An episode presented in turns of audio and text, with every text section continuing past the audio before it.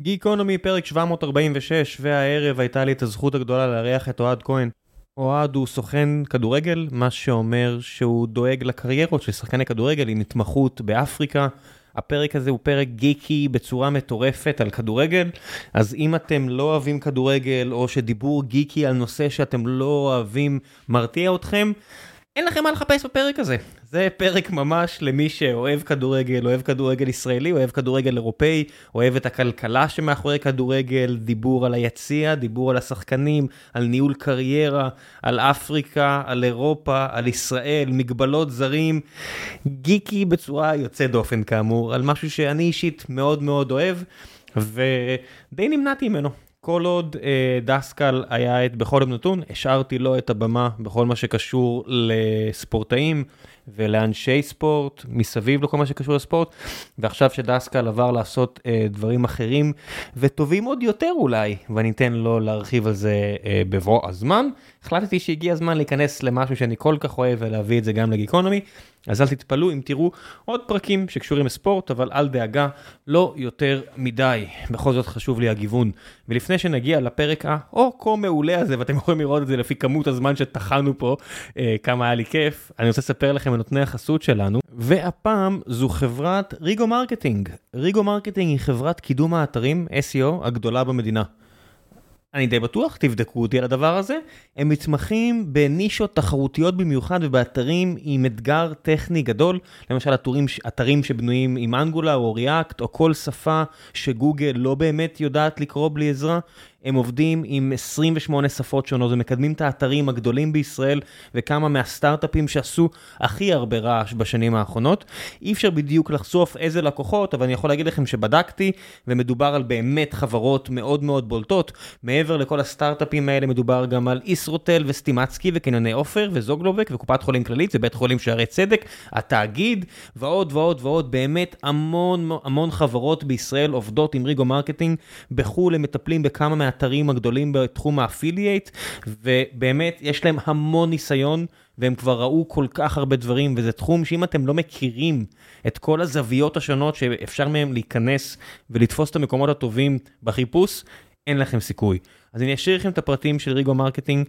אם אתם יכולים, תגידו שהגעתם דרך גיקונומי, ושיהיה המון המון בהצלחה. ועכשיו, לפרק עם אוהד, מקווה שתהנו.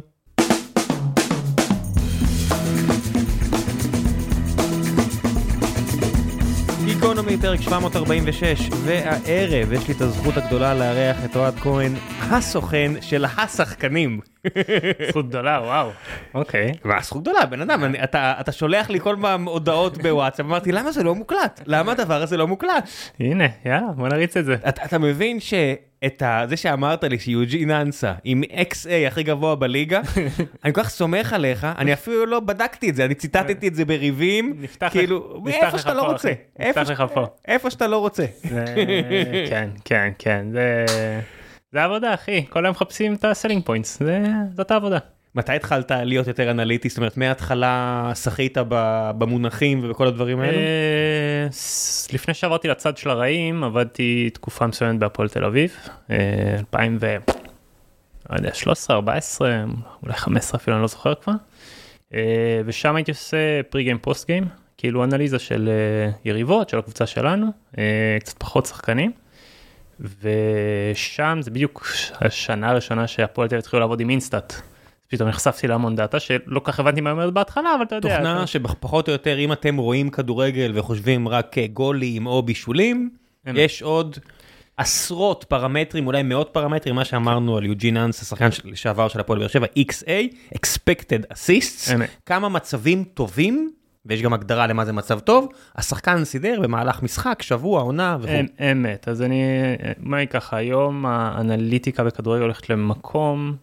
שלוקחים הרבה יותר משתנים כשבאים לנתח כל שחקן, אה, ויודעים היום, בוא נגיד אנשים שגם מתעסקים בדאטה, אה, הטופ שלהם יודעים נטו על סמך דאטה מפולחת מאוד ודאטה איכותית, InStat זה כאילו זה, זה בוא נגיד זה המוצר הכי נפוץ בשוק, יש כלים הרבה יותר מתקדמים, שנותנים דאטה הרבה יותר מתקדמת, אה, אבל האנשים שעושים את זה ב top level, מסוגלים לבוא ולדבר איתך על שחקן שהם לא ראו מעולם, ולתאר אותו בוא נגיד ב-99% דיוק רק על סמך פילטורים של דאטה. יודעים להגיד לך כאילו הוא אינטנסיבי הוא לא אינטנסיבי הוא נכנס למאבקים הוא לא נכנס למאבקים הוא אוהב לעשות עומק הוא אוהב לקבל את הכדור לרגל הוא כשיש לו שטח הוא מצוין בפעולה של אחרי הדריבל דברים הזויים לחלוטין. רק מהאקסלים. רק מהאקסלים. וזה בינתיים רק אה, מספרים, זאת אומרת, אני נגיד מכיר מענפי ספורט אחרים, שלחתי נגיד לנועה דלת היקר, תמונה של הבן שלי קופץ, אמרתי לו, תן לי טיפים איך לעזור לו. בן ארבע, אני רוצה אה, שיתפתח לכיוונים שיהיה לו כיף, תן לו טיפים, הוא אומר, עצור הכל, אתה רואה את הברכיים שלו, אין, זה פוסל אותך בדראפט של אה, פוטבול וב-MMA בכלל, הסיכוי לקריאת רצועה גדול מאוד אם הוא קופץ ככה, אם אתה לא מתקן לו את זה, עזוב אותך מספורטאי, הוא ייפצע אם הוא ימשיך להתאמן. אמרתי, מה אחי? כן. שים לב, אני אשלח לך סרטון, ככה לא קופצים, ככה כן קופצים. ואתה יודע, התחלתי להיכנס לעניינים, ואז אתה רואה שהיום נגיד באנגליה מנתחים אפילו איך השחקן רץ, ואם המכניקת ריצה שלו לא טובה, אז... נגמר, לא מעניין. אז היום כן עושים בוא נגיד מבחנים קינט, קינטיים וביומכניים זה חלק בלתי נפרד מבדיקות רפואיות של כל מועדון סביר ומעלה באירופה כאילו נגמר היום שבאים אה, שואלים אותך קראת פעם רצועה אם כן עושים לך MRI בערך וממשיכים עם החיים שלהם. אוקיי בוא בוא בוא נלך קצת אחורה אני אני אמנם אני, אני יושב בתל אביב אבל חצי מהקליינטורה שלי כבר מפוזרת ב, בכל חור בעולם. אתה מומחה לאפריקה למי שלא מכיר? כן אני עובד הרבה אני עובד בסוכנות שנקראת ספוקס סוכנות שהיא במקור גרמנית אה, אבל יש לה אסטרטגיה פן אפריקאית חזקה מאוד. דברים הכי גדולים שעשינו זה מוחמד סלאח מוחמד אלנני בבא רחמן כולם שחקנים שהגיעו ל... שלקחנו כל הדרך מ... מה... מהמועדון הקטן שלו במצרים. הפועל ערכואים במצרים כן. לטופ אפילו לא אחת מהשתיים כן. הגדולות במצרים, במצרים לא. יש בסך הכל שתי מועדוני ענק, כן. וכל השאר זניחים לגמרי, לקחת שחקן אפילו לא אחת מהשתיים הגדולות. ואפילו לא מהרכב. ולהפוך אותו לאחד מה top five שחקנים בעולם. כן, אז סבבה עם בבא רחמן, שלקחנו אותו דוך מליגה שלישית בגאנה לבונדסליגה, אה, ומשם שלוש שנים אחרי זה כבר ב-30 מיליון יורו לצ'לסי. איך הסיפורים האלה קורים רק עם אפריקאים? תסתכל, אני חושב נגיד על שחקנים מאלג'יר, שחקנים ממצרים, שאתה יודע, הסתובבו בליגה השנייה בצרפת, שהסתובבו בליגה ראשונה במצרים, אבל לא top tier, ליגה שלישית פה. זאת אומרת, אני לא, אני כמעט לא רואה את זה עם שחקנים לא אפריקאים, מה קורה פה? אני... אני אגיד משהו שהוא, בוא נגיד, אה, טיפה שנוי במחלוקת, אבל המציאות היא שיש המון שחקנים מוכשרים ורובם שאף פעם לא קולים את ההזדמנות זאת האמת כלומר אם יש ג'יימי ורדי אחד מסתובב בליגה חמישית באנגליה אתה רוצה להגיד לי שאין עוד אחד לפחות. ואם אתה אומר לי שיש עוד אחד אז אין עוד אחד גם אחריו. אנחנו יודעים בוודאות שיש עוד אחד כי החבר האלג'יראי של ג'יימי ורדי בלסטר הגיע מהליגה השנייה בצרפת. יפה בדיוק וגם אנגולו קנטן עכשיו ליגה שלישית בצרפת. אה, זאת אומרת שלא יכול להיות שבכל מקום שפירמידת הכדורגל בנויה בסוף הדברים הם אותו דבר, אתה יודע, כדורגל כמו כל דבר בעולם הוא שוק שבנוי ממתמטיקה. אבל איך יכול להיות שמאחרז כזה, שאתה יודע, בעונה הזאת בלסטר היה השחקן הכי טוב בליגה, מה, מה קרה עד אז באימונים? כולם שמו לו רגל, במשחקים אף אחד לא ספר אותו, איך זה יכול להיות שבן אדם, זאת אומרת, מה הסוכנים שלו ראו או מה לסטר ראתה שאף אחד לא ראה. אוקיי, okay, אז אני אגיד דבר כזה, וזה גם קצת מתקשר לדאטה ואנליטיקה וגם קצת מתקשר למה שאנחנו יודעים לעשות. אחרי עשר שנים שאני עושה מה שאני עושה, אני מבין שכמה שזה הולך להיות מצחיק מה שאני אומר, אין דבר כזה שחקן טוב. יש דבר כזה שחקן מתאים. מה זאת אומרת? שחקן בסוף הוא מורכב מאוסף של תכונות. סבבה, אם אני בא ומסתכל היום על שחקן, לפני שאני בא ואומר אה, הוא טוב, הוא לא טוב, הוא מגביה, הוא בועט, בלה בלה בלה בלה, אני קודם כל שואל, אוקיי, מה הוא עושה על המגרש? האם הוא טוב נגד הכדור, עם הכדור? אה, האם הוא אוהב לקבל את הכדור לשטח, האם הוא אוהב לקבל את הכדור לעומק? איזה שחקנים סביבו צריכים להיות קיימים כדי שהוא באמת יצליח ויגיע ויוכל למקסם את עצמו למגרש ואני אתן לך דוגמה. אה, בוא ניקח יוג'ין אנסה, שחקן שלי, שכאילו אני מרגיש בנוח לדבר עליו. כן, כבר לא בארץ. כבר לא בארץ, בדיוק. המאזינה אלונה ברק יכולה לשחרר, זהו. אה, אז קח את יוג'ין למשל בקבוצה כמו הפועל באר שבע, שחמש שנים כבר חלוץ לא מצליח שם.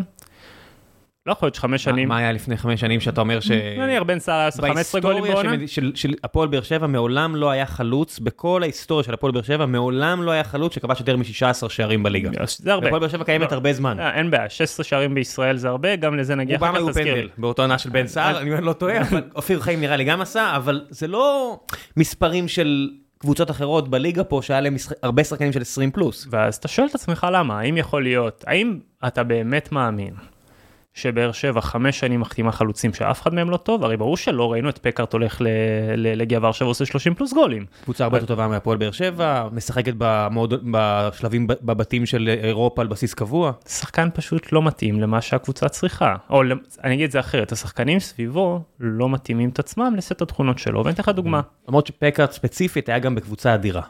זה לא, אין בעיה. עכשיו השאלה היא בתוך הקבוצה האדירה הזאת, מה אתה צריך, איזה, איך פקארט כובש את השערים שלו? בוא, בוא, נתחיל מה, בוא נתחיל מהשאלה הראשונה, איך פקארט מייצר את המצבים שלו? די מקרוב ספציפית פקארט. יפה, מקרוב, בכדורים שניים, בריבאונד, כן. בנגיחות, בקרוסים, שיש לך באגף אחד אה, מליקסון שעושה את האחד על אחד, ועושה את הקאטבקים לאובן, רדי, שבאים מקו שני ובועטים מ-16-17 מטר. ויש לך בקו השני את מאור בוזגה שעושה את האחד על אחד ומחפש את השער. מי אמור לתת את הקרוסים?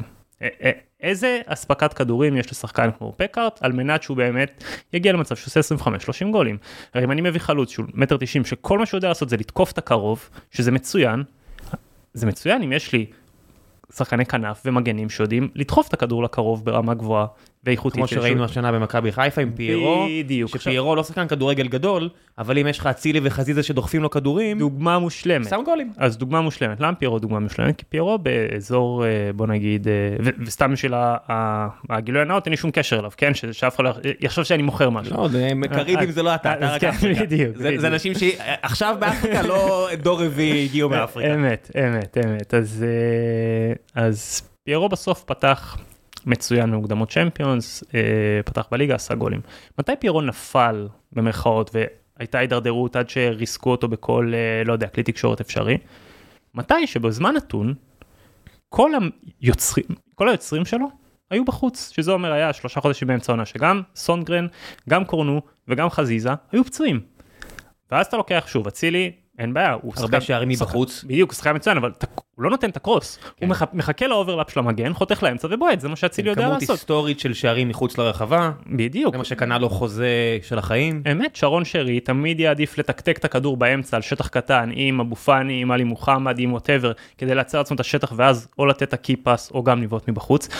וכל הבנייה כדי שפיירו יקבל אספקת כדורים כדי לעשות מה שהוא יודע לעשות שזה לתקוף את הקרוב שהכדור מה זה משנה אם פוגע בברך בכתף בראש whatever הכדור נכנס פנימה. ואם הוא לא נכנס פנימה אז השוער עודף ומישהו אחר דוחק את זה. והכל מן הסתם מחמישה מטר כי שזה השחקן. כי טכנית כן. לא זה, זה אפילו לא של טכני. זה שזה מה שאני אומר שאין דבר כזה שחקן טוב יש דבר כזה שחקן מתאים. בסוף היום מסתכלים על כדורגל אמרתי לך מרמה בינונית אירופאית ומעלה. עכשיו גם מכבי חיפה מדהימים בזה. בתור משחק של חוליות. מה זה אומר? אני, כל שחקן שאני מביא, אני מסתכל עליו כחלק מחוליה מסוימת. שאני מבין שהרי אני לא יכול, בוא נדמיין משושים של פיפא. אני לא יכול בתור מועדון ישראלי להביא שחקן שהמשושש לא מלא. לא יכול. רגע, למי שלא מכיר, תפתחו כל אפליקציית ספורט שאתם מכירים, החלוקה היא ל attacking, technique, defending, whatever, שישה פרמטרים, כאילו זה המשחק מחשב. בדיוק. באותו מידה זה גם, אתם יכולים לראות את זה על שחקנים מציאותיים, בכל אפליקציה שתפתחו, חד משמעית, בדיוק, כן. בדיוק, ספורט 365, פיפא, Football Manager, whatever, כל מה כן. שקשור לכדורגל. ואז בסוף אני בא אה, ואני אומר, בתור מועדון ישראלי, אני לא יכול להביא שחקן שהמשושש לא מלא. אני לא יכול. אגב, כמעט בתור אף מועדון בעולם אני לא יכול להביא שחקן שהמשושש שלו מלא. אז מה אני צריך לעשות? אני צריך להבין כל שחקן בתוך החוליה שלו, איך אני מייצר מהחוליה עצמה משושה כמה שיותר מלא. אתן לך דוגמה, אה, אם ב... ב...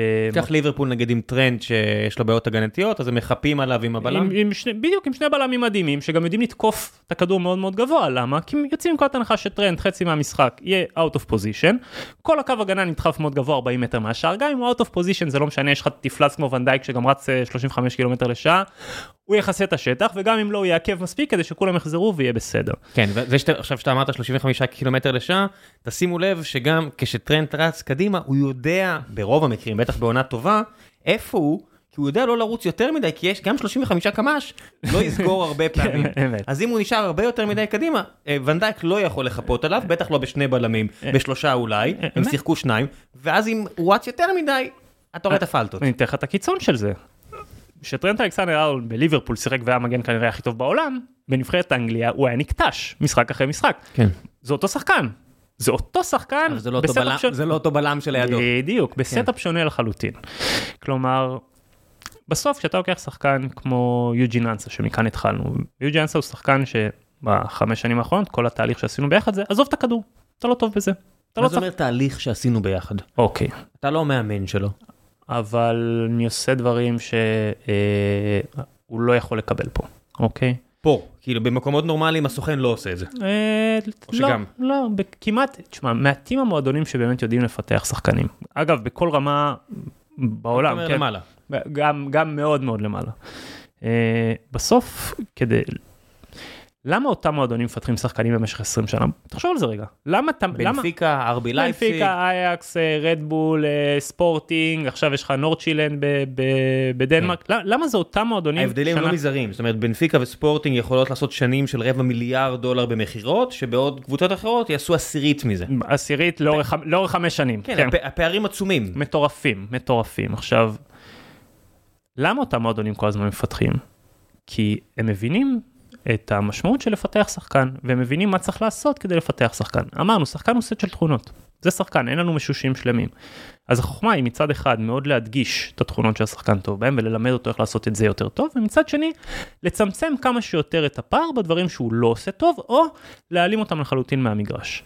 יוג'ין למשל היה שחקן שכשהוא הגיע לפה, מה הוא אוהב הרבה פעמים לעשות? הוא היה משחק שחקן כנף, הוא היה אוהב- לבוא מאוד עמוק, לקבל את הכדור עם הגב, להסתובב, לנסות לייצר שטח ולהתחיל לרוץ. כן, קבוצה אחרת לגמרי בקריית שמונה. זה לא משנה, הוא לא טוב בזה. למה? כי אין לו awareness, כי הוא לא יודע לשים את הגוף בינו לבין המגן. מה זה אומר awareness, איפה אתה במגרש? לא, awareness זה אומר היכולת לסרוק את השטח כל הזמן ולהבין איפה אתה ביחס ליריבים שלך, ביחס לשחקנים שלך, ביחס למגרש. איך אתה מודד את זה? איך אתה יודע שמישהו טוב בזה או לא טוב בזה? פשוט רואים את זה בצורה מאוד מאוד מאוד מאוד מאוד ברורה. מאוד איך זה. בא לידי ביטוי? אתה רואה שחקנים שאו שהם סורקים או שהם לא סורקים. אתה רואה שחקנים שכשהכדור מגיע הם כבר יודעים מה הם רוצים לעשות והקצב משחק שלהם כמו מאוד מאוד שאומרים על גבוה. גלוך שהוא רץ עם העיניים למעלה. מדהים, מדהים, מדהים. awareness מהמם. מלמדים דבר כזה, או שאתה יודע, כילד כל כך צעיר שהוא כבר יודע לעשות את זה, אז איפה הוא למד את זה? אז לחלקם זה בטבעית, בחלקם זה הרבה מאוד אימון. במכבי תל אביב נגיד במשך שנים, אה, אני מכיר ספציפית פשוט אחד המאמני נוער שזה מה שהוא היה עושה עם הילדים. אה, מה, שהוא- לרוץ עם עיניים למעלה ולסרוק? לא, נותנים, אה, יש הרבה אימונים שעובדים ספציפית על זה, שברובם שמים לך לצורך העניין קונוסים בצבעים שונים במקומות, אה, על שטח קטן על המגרש, מאמן מוסר לך, צועק לך ירוק, ואז אתה צריך לרוץ לקונוס הירוק, ואז הוא צועק לך אדום, ואז אתה צריך, איך שאתה מקבל את הכדור, למסור אותו לאדום. אז מה, מה קורה לאורך אימון ארוך? אתה כל הזמן מתרגל להבין מה קורה סביבי, כי אתה לא זוכר עכשיו איפה יש לך 10 צבעים שונים של קונוסים, אז אתה כל הזמן מתרגל לסרוק, כי אם, אם, אם אני עכשיו יודע שאמרו לי ירוק, סבבה, אז אני רץ לירוק, ותוך כדי אני סורק לראות את כל הצבעים, אז עכשיו שצעקת לי עוד צבע, אני כבר יודע איפה הוא, אז אני בנגיעה אחת יכול להביא את הכדור שם, בגג שתיים. יותר מזה, דורטמונד השקיע, אה, שמעת פעם את המונח ה box של דורטמונד?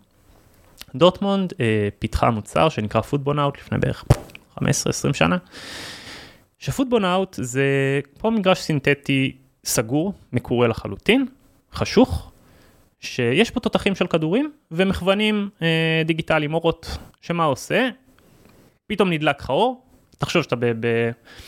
דמיין כמו כלוב כזה, רק חשוך לחלוטין, פתאום נדלק לך אור. מה... איפה שנדלק לך אור נורה עליך כדור מתותח, והכדור נורה עליך מהר, אתה צריך לעצור אותו, ואז נדלק לך אור אחר במקום אחר ב... ולשם אתה צריך לבעוט. ולשם אתה צריך לבעוט, לפעמים זה על הרצפה, לפעמים זה בחצי גובה. שהם השקיעו עשרות מיליונים בפיתוח של זה, הם מכרו יחידות כאלה כמו, באמת כמו סוכריות לכל ה top top top של העולם, עשו רווחים של עשרות מיליונים מהפיתוח של הדבר הזה והמכירה שלו, והקבוצה הבוגרת לא משתמשת בזה. למה? כי האפקט שאתה מקבל בתור שחקן בן 25, 7, כמה אתה תתקדם בשימוש של זה, זה מזערי לכמה שאתה תתקדם. ועדיף לנצל את הזמן לאימונים טקטיים ולאימוני כושר? לא, פשוט ההשפעה של זה על ילדים, היא הרבה יותר גדולה. כבוגר עדיף פשוט דברים יותר טובים כן, לעשות עם הזמן שלך? בסוף יש לך עומס, אתה לא יכול, אה, שחקן מקצועני ששחק פעמיים שלוש בשבוע, פלוס טיסות, פלוס עומסים מטורפים באימונים, במשחקים, אתה לא יכול להוסיף לו עוד אין ספור לבנות. זאת אומרת, אם אני עכשיו, יש לי לבנה שאני רוצה להוסיף לו, אני מעדיף להתרכז על דברים אחרים, ואני לא אקנה שחקן בן 25, אם אין לו כבר awareness ברמה סופר גבוהה. כלומר, והאווירנס, האנליסטים של המועדון יודעים, כי הם פשוט רואים משחקים. אה, אין את זה, האווירנס אין במס- במספרים. אומרת, אני יכול לראות את זה במשחק פיפא, אבל אני לא יודע... אחד הדברים הכי נראים לעין ברגע שמסתכלים על שחקן לעומק. אה, כלומר, שמע, אחד הדברים שהכי השתנו בכדורגל היום כל הדור החדש של סקאוטים, אנליסטים, מנהלים מקצועיים, מתחילים להסתכל עליו הרבה יותר, זה מה קורה בלי הכדור. כי, כי עם הכדור זה, זה קצת פחות מעניין. אה, האמת שאתה גם רואה שחקנים עם דריבל ענק מטורף, נגיד מרוקאים כאלה שראינו אותם, הם לא top top שחקנים. אין שחקנים כאלה ב top level. אחי, תנסה לחשוב רגע. שחקנים עם דריבל מטורף? שים ויניסיוס בצד. כולם זוכרים את ויניסיוס כי הוא ויניסיוס, אבל בוא תגיד לי כמה שחקנים יש ב top 10 קבוצות בעולם, שמה שהם חיים עליו זה דריבל. לא, יש מפלצות אתלטיות שהדריבל שלהם הוא, הוא פשוט... הוא, הוא חלק מזה. נכון, אבל אני אומר כזה, אפילו הלאנד שאתה חושב עליו, הוא לא דריבליסט. ממש לא. הוא ממש לא ממש לא. יש לו טכניקת בעיטה אדירה. מעבר לזה, הלאנד השחקן עם הכי מעט נגיעות בפרמייר ליג, ועושה 30 ומשהו גולים בעונה. כן. כאילו, המשחק היום ברובו משוחק בלי הכדור, בטח ובטח ככל שאתה עולה ברמה יותר גבוהה, ואתה כן. יכול לסמוך על החברים שלך לקבוצה. הדריבליסטים נגיד בפרמייר ליג זה שחקנים שעכברי פנטזי מכירים אותם. בדיוק. אה, זאהה כזה, וכל מיני שחקנים אה, שהם בוא נגיד את האמת. יש סיבה שהם לא בליברפול, לא בסיטי, הם לא ביונייטד. בול. אה, אתה. יודע מה, יונייטד נגיד עוד מביאה שחקנים כאלה באיזשהו התקפי אה, שטויות. אין בעיה, אז- ואז אתה... נגיד אה, עכשיו, איך קוראים לו ההולנדי שהם הביאו, נו, אה, 90 מיליון דולר, שחקן כנף, הביאו אותו באמצע העונה, אנטוני. אנטוני, אוקיי, אנטוני, אוקיי, כן. הנה דריבליסט, אבל הוא לא כזה טוב. אה, אה, לא, א', הוא עשה לא, לא, קפיצה- ענקית. הכל כן, ביחס כן. לרמות הכי הכי הכי גבוהות, לא מכבי חיפה, אמת, אמת. בסדר. מה- שאני אומר זה. לא, לא, אני אומר, אה, הוא עשה קפיצה מטורפת, הוא בא מהולנד ל- ל- לפרמייר ליג, זה לוקח זמן, אבל מה שאני אומר זה דבר אחר. דריבל זה דבר מאוד חשוב, שהוא גם מנצח המשחקים הרבה פעמים. אבל בסוף, בסוף, בסוף, כדורגל זה משחק. שהוא לא 1 על 1 כפול 11, הוא 11 נגד 11, זה כדורגל. כלומר, הרבה פעמים אנחנו טועים לחשוב שאנחנו מסתכלים על שחקן, ואנחנו אומרים, אה, זה יותר טוב מזה, זה יותר טוב מזה, אבל אתה משווה תפוזים ותפוחים. כי כדורגל בסוף זה משחק ש-11 אמורים לנצח 11. זה לא משחק ש... זה, אנחנו לא לפני 40 שנה, שכולם שומרים אישית על כל המגרש, ואתה צריך uh, מישהו שייקח ויעבור את השחקן שלו, ופתאום אתה ביתרון מספרי, זה כבר לא קורה. רוב היתרונות המספריים קורים דרך בנייה, קורים דרך uh, uh, הרבה שחקנים שיודעים להזיז את הכדור ביחד. טקטיקות שאתה אומר, אני מכווץ קבוצה לצד אחד ונותן סוויץ' לצד שני. זה כדורגל היום. Uh, מתכונות לחץ מטורפות, כאילו היום כדורגל עבר ברובו למשחק לחץ לפני 10 שנה משחק הרבה יותר אתלטי. מעבר ליותר אתלטי, הוא יותר מוכוון כלפי לחץ. אתה יודע, לפני ה gegen לפני- pressing של הגרמנים, ואז כל הדברים שאנחנו רואים באנגליה עכשיו. האמת, לפני עשר שנים התורה השולטת בעולם נקרא לזה הייתה טיקי טקה, כולם ניסו לתקתק את הכדור, כולם ניסו לשחק על שטחים מאוד קטנים. נבחרת ספרד שיחקה מונדיאלים ויורואים שפשוט מתמסרת על עצמה לדעת. חד משמעית. זה הפסיק לעבוד. בדיוק, מתי זה הפסיק לעבוד? כשקבוצות אמרו אוקיי, שינסו לעשות את זה, תשע מעשר פעמים הפס יעבור. פעם אחת הוא לא יעבור ואנחנו עושים גול ואז היה את המשחק שבהם עשו לא יודע 6 7 8 אותו יוג'ין אנסה עשה את זה למכבי תל אביב בגביע. בראבו. בחצי גמר. בראבו, ועכשיו אם אנחנו מ- מסכמים וחוזרים אליו, אז אני אומר, אחד התהליכים הכי ארוכים שעשיתי עם יוג'ין, זה לגרום לו, לגרום לו להבין שזה שחקנים לא יודעים, הם שחקנים לא יודעים במה הם טובים ובמה הם לא טובים, זה... הם כל כך מורגלים, הרי תחשוב, מה העמדה הרשמית שלו אפילו? שמע, אני ראיתי אותו משחק שנתיים, אני חושב שראיתי את כל המשחקים שלו, אפילו במה שנקרא מקרוב, ראיתי את רוב המשחקים שלו. מה העמדה הרשמית שלו? לדעתי, בשביל להוציא ממנו את המקסימום, חלוץ, וכן, הוא אף פעם לא יהיה פינישר קליני, אבל הוא תמיד יגיע לכפול שלוש מצבים מכל השאר. מספר 9, חלוץ רחבה, זה מה שהוא ישחק עכשיו בארצות הברית? לא? זה בישראל גם אותו דבר בדיוק כמו באר שבע, לפעמים בקו, לפעמים בתשע, מה שצריך. מה אמרתם למאמן, כאילו מה המאמן קונה? המאמן מיני שחקן שיכול למלות את כל העמדות. את כל השלוש. כן. ימין, שמאל, אמצע. כן, כן. אבל אם אתה שואל אותי, בסוף, ב... שוב, במתכונת שלו היום, אם אתה שואל אותי אם, אם אני מאמן, מה אני עושה איתו? תשע, רק תעשה עומק. אל, ת- אתה לא צריך לגעת בכדור, רק תעשה עומק. הם ראיינו אותו? איך עובד נגיד, אתה יודע, ב-NBA מראיינים את השחקנים ויש פסיכולוגים והכל, איך זה ב-MLS, בליגת כדורגל? אז לא פסיכולוגים, אבל כן, זה, א', זה תהליך הרבה יותר ארוך. מה, זום, כן, כאילו? כן, בטח, בטח. עם זום. המאמן? עם המאמן, עם המנהל המקצועי, עם העוזר מאמן אפילו, ועם הסקאוט הראשי. זה כי- מלחיץ, כאילו אתה- אתה מרגיע אותו לפני? או ש- אה, כן, אותי זה כבר לא מלחיץ, את השחקנים לא, לא, תמיד לא מלחיץ. כן, את השחקנים לך יש הרבה. שחקנים, כן. זה החיים שלו. כן, כן, כן, שחקנים תמיד מלחיץ. מה, אה, מה אתה אומר, מה, כאילו איך, אתה יודע, זה כל כך שונה מהיום יום שלו. אמת, אה, בטח אה, טיפוס שהוא שקט במהות שלו כן. כמו יוג'ין, אבל כן, בסוף אתה בעיקר עובד בלהרגיע אותם. שמע, יש שחקנים מכל מיני סגנונות, וברגע שאתה עובד איתם הרבה מאוד שנים, אתה גם מכיר אותם באמת לעומק, אתה יודע, אני יודע נגיד שיוג'ין הוא באמת הבן אדם הכי טוב שאי פעם פגשתי, לב טהור, אבל לפעמים הוא מברבר את עצמו לדעת קצת. אז אתה יודע, אתה אומר לו, תתרכז, ב, אה, תתרכז בלשמוע מה שואלים אותך, בלענות על השאלה. אתה איתו בחדר ברעיון? כן, תמיד, תמיד, תמיד, או בחדר או, או בשיחה או whatever, אבל במקרה הספציפי הזה כן, הוא, הוא הגיע אליי ועשינו את זה מאצלי בבית. אה, אתה, אתה בעיקר שם, אגב, מאוד דומה לכדורגל, אתה שם guidelines. החוכמה זה לא, זה לא to micromanage, גם כשאנחנו עושים אנליזה ומנסים להזיז דברים מסוימים או לשפר דברים מסוימים במשחק. אתה לא עושה על כל מהלך, הנה פה היית צריך למסור, פה היית צריך לבעוט, אף אחד לא לומד ככה. אם, אם אתה יש לך פה עובד שכל דבר שהוא עושה, כל שורת קוד שהוא כותב, אתה אומר לו לא, אל תכתוב ככה, תכתוב לא, ככה. או הוא או אני, מישהו הולך הביתה. בדיוק, כן. בדיוק. אז החוכמה היא לא to micromanage כל uh, דבר שהוא עושה על המגרש שלה, לשים guidelines כלליים, דברים שאנחנו רוצים לעשות, ורק עליהם אנחנו שופטים משחק טוב או רע. כלומר, מבחינה בירוקרטית, נגיד מישהו כמו יוג'ין אנסה עכשיו הוא בלי חוזה, סיים את החוזה שלו, עכשיו הוא מחפש את הצעד הבא בקריירה, נגיד משהו כמו ארצות הברית, צריך ויזה? בטח, הוא הולך להיות, עכשיו זה התהליכים, בגלל זה אנחנו, העסקה הזאת חתומה כבר שלושה ארבעה שבועות, מחכים לוויזה שלו. מה זה אומר מחכים? הרי זה ויזת עבודה, לעבוד במדינה. כן, ויזת עבודה. כולם מקבלים? מה זה, 99 אחוז, בוא נקווה שאנחנו לא באחוז הזה. לא, אתה יודע, נגיד אם אני עכשיו כמתכנת רוצה לבוא לעבוד בארצות הברית, זה לא טריוויאלי. נכון, אבל אתה לא ספורטאי. אז מה, יש כאילו, כמו שיש H1B ל... לא יודע, אותו רישיון עבודה אחד לאחד, רק שהקריטריונים, בוא נגיד, ברגע שה-MLS מאשר את ההעסקה. הם כאילו הספונסרים שלו, והם דואגים להכל. כן. כן, מעבר דואגים להכל, ה-MLS בדומה ל-NBA, בדומה ל-MLB או whatever, ברגע שה-MLS אמר כן, הוא עומד בסטנדרטים המקצועיים שלנו כדי לבוא לעבוד כעובד זר, מומחה זר בתחום שלו. ויזה של מומחים, כן. אז בדיוק, הם כאילו... ויעד כמו ארצות הברית, שאתה יכול כאילו להשתקע בו אחרי זה, בטח לילד גנאי שאתה יודע, אני לא יודע אם הוא כן. רוצה לחזור הביתה, כן. זה פלוס נוסף? אז אה, א', זה פלוס אדיר, אני לא יודע אם הוא משתקע בארצות הברית בסוף, אתה יודע, צריך אה, הרבה זמן להיות בארצות הברית כדי להשתקע בה, כן, אבל, שנים. אבל אה, אנחנו מאוד קרובים לסיים את התהליך של הפספורט הבלגי שלו. אה, שזה משהו... איך בלגי? זאת אומרת, מה הקשר לבלגי וגאנה? הוא עבר בגיל 18 לבלגיה, יוג'ין זה סיפור מטורף, יוג'ין בגיל 18 עבר לבלגיה, בגיל... מתי אתה מכיר אותו? הוא בן 25 לא, אני, אני הכרתי אותו בגיל 23, הוא סיים בבלגיה, אבל יוג'ין בגיל, בגיל 19, יוג'ין הבקיע, ב, ב, זכה בגביע הבלגי עם לוקרן ושיחק אה, יורופה ליג עם לוקרן בגיל 19. בגיל 23 הוא בא למבחנים בליגה לאומית בישראל. קורה לפעמים, כן. אה, קריירה של... מה קרה בין לבין? פציעה? אני לא יודע, לא הכרתי אותו, אה, אבל לוקרן הזה היה מועדון דפוק שהחליף שלושה ארבעה מאמנים כל עונה, כל עונה, בכל הארבע שנים שלושה. למי שחושב שישראל המציאה את השטויות האלה. מה, לא מיוחדים בשום דבר. כן, בוא נגיד שכל ליגה שהביאה לגיא לוזון את המפתחות. לא מיוחדים בשום דבר. כן, בלי להעליב את גיא לוזון, פשוט אתה יודע. לא, לא. We have better, לעניות דעתי. אז, אז אה, אני לא יודע, אבל מה שאני כן יודע זה שבסוף, אה, בכל מקום חוסר יציבות, יש המון מועדונים חסרי יציבות, לא קרן אז היו אחד מהם. אה, והוא התפוצץ מאוד מהר ונעלם מאוד מהר. שוב, כל פעם אתה יודע, אתה בונה את עצמך, אתה שחקן צעיר, כל פעם שאתה בונה את עצמך אתה מתקרב, בום, מאמן מתחלף, אתה מתחיל הכל מההתחלה. שחקן צעיר שעוזב את הבית פעם ראשונה ו... בול, בול. אה, אז אני לא יודע מה קרה בדרך, אני, כשהוא סיים בלוקרן, אני פגשתי אותו.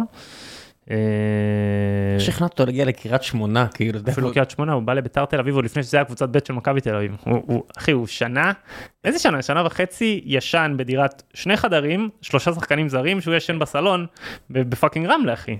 איזה עולם. הזוי הזוי הזוי הזוי אתה יודע אשכרה כמו איזה פועל זר כן. כאילו. כן זה היה איזה חיים. זה התקופה ועוד גנאי אתה יודע אתה חושב כמה גנאים יש כן, פה שאומרים כן, זה מה שהם עושים מהגרי עבודה. חד משמעית אז הוא עוד אתה יודע באליטה של המהגרי עבודה לפחות לפחות, אז לפחות אז עשה את ה-8,000 שקל בחודש לו.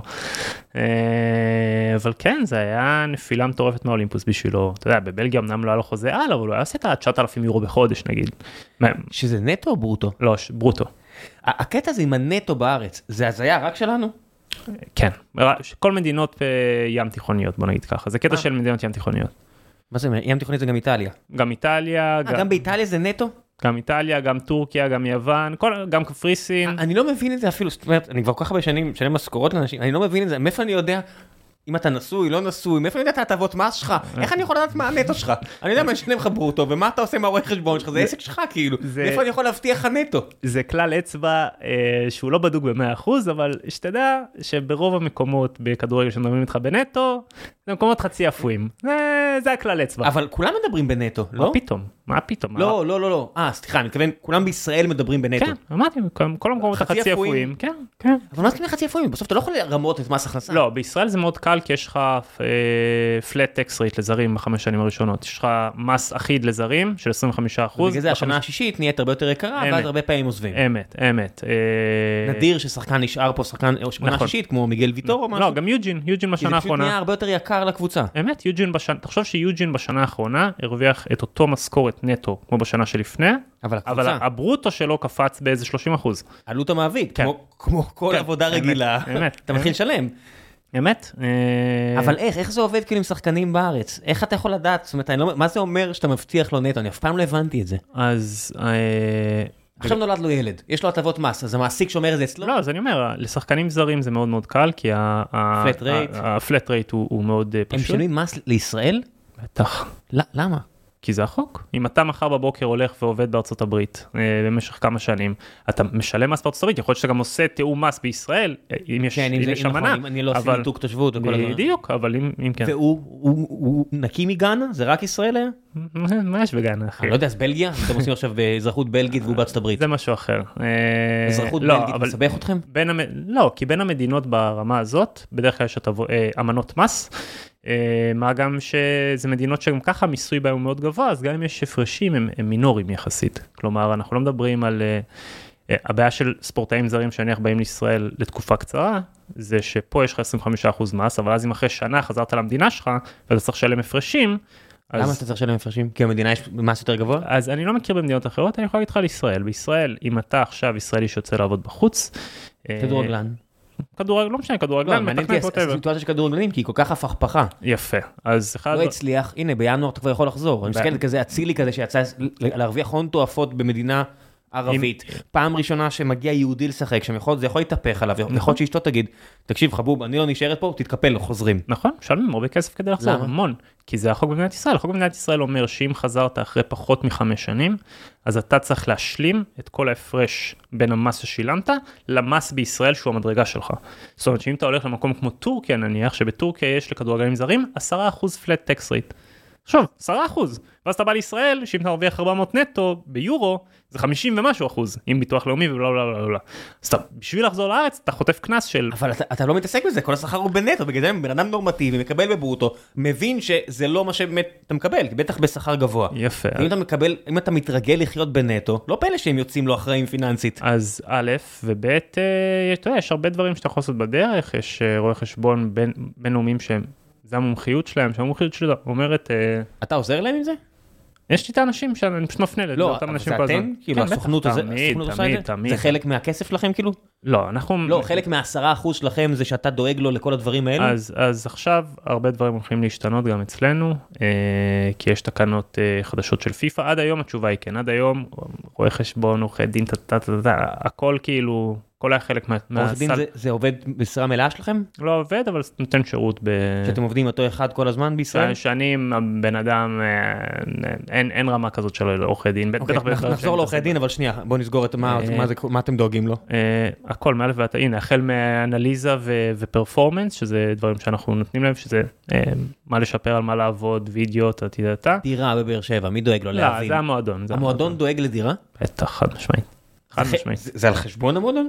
תלוי כל חוזה שונה אבל אה, לרוב אתה עושה את החוזים, אני... לא אז אני אומר כל חוזה משתנה לרוב החוזים בטח במועדונים גדולים אה, שמים איזשהו סכום שאם השחקן אחר כך רוצה לגור יותר בגבוה אין בעיה הוא משלים אבל יש לו סכום אה, שמחיה כלולה, כלולה בתוכו נניח. והם מוצאים לו את הבית, או שהוא גם צריך לדאוג לזה? לא זה זה זה קל זה המועדונים זה המנהל קבוצה הולך איתו מוצאים ביחד משהו שאוהבים. אבל הוא- הוא הוא רואה, הוא לא... אה, בטח בטח לא זורקים אותו ואומרים לו בהצלחה. אה, שום דבר לא יפתיע אותי, שמע, לא, אני- אה, לא, לא, לא במועדונים גדולים, לא במועדונים גדולים. אוקיי. אה, שגדולים זה זה מרכז טבלה ליגת העל ומעלה? אה, גדולים זה עניין של אה, ארגונים ספציפיים, זה לא קשור למיקום הטבלה, יש מועדונים אה, אה, שהם במרכאות קטנים, אבל הם מתנהלים ברמה מדהימה, שכשאני שם ששחקן יודע שאני יכול ללכת לישון ואין מי לי מי שום נגיד, צרות. זה- זה זה לפרגן, אז למי אתה יכול לפרגן? הדוגמה הפועל ירושלים, הפועל ירושלים מקום שים שחקן, לך לישון אחי, הכל בסדר. באמת דואגים כאילו... אה, לך לישון אחי, לא צריך כלום, באמת. לא מי, יש להם בן אדם שדואג ל... 17.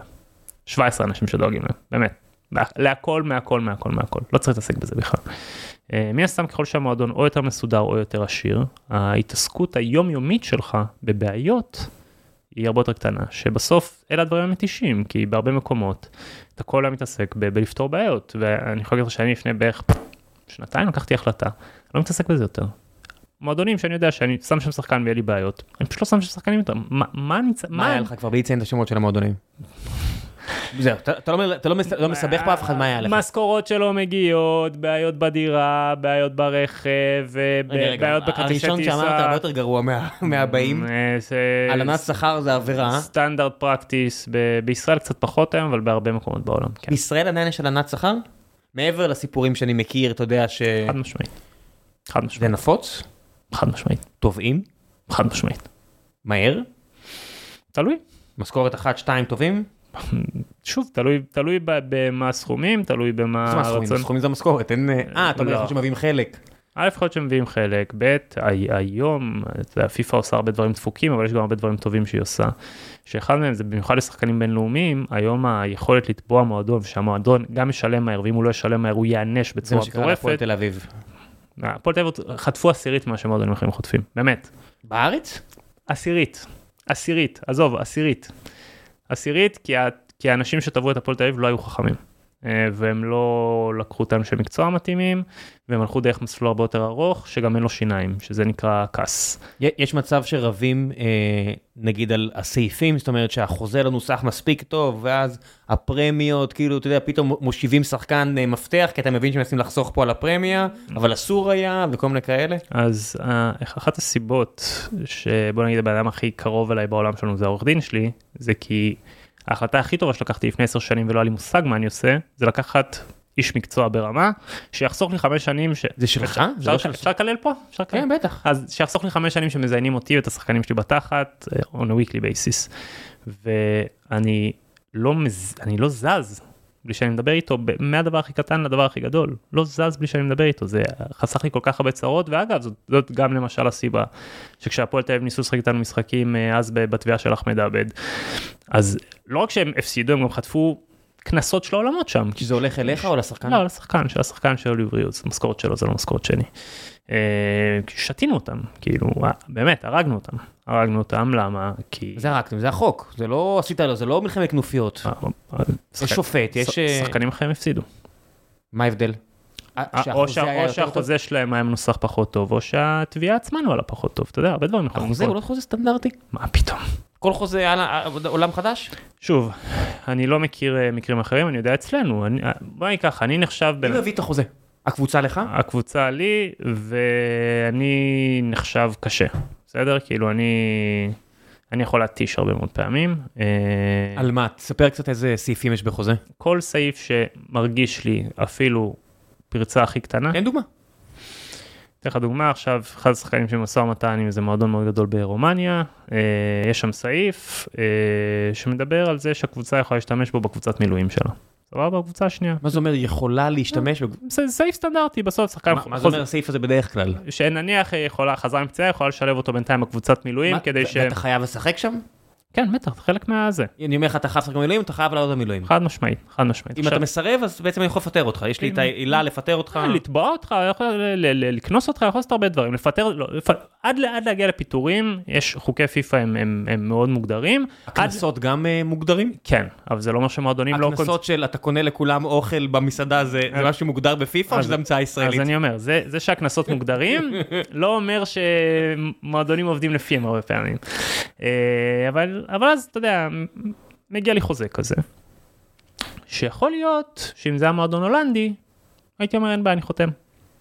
אבל אתה צריך גם להבין הרבה פעמים טוב טוב לאיזה שווקים ולאיזה מדינות אתה הולך. אוקיי, רומניה אני- אני אני מכיר קצת, אבל אני מכיר את הבעייתיות, אבל למה דווקא הסעיף הזה הקפיץ אותך? אה, אז כי אז אני אומר, מה מועדון עכשיו, השחקן, אם השחקן מצליח הרי אף פעם אין בעיה.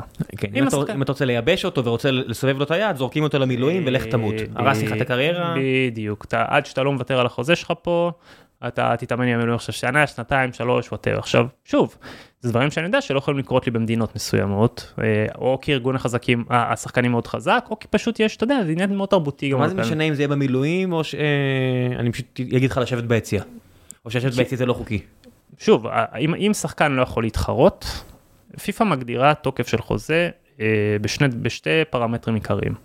אחד, שחקן מקבל את המשכורת שלו, שתיים, לשחקן יש הזדמנות הוגנת להתחרות. זה למשל למה, וזה הרבה מועדונים ישראלים לא יודעים והם חוטפים על זה תביעות אחד אחרי השני, הקפאה של שחקן זר היא לא חוקית.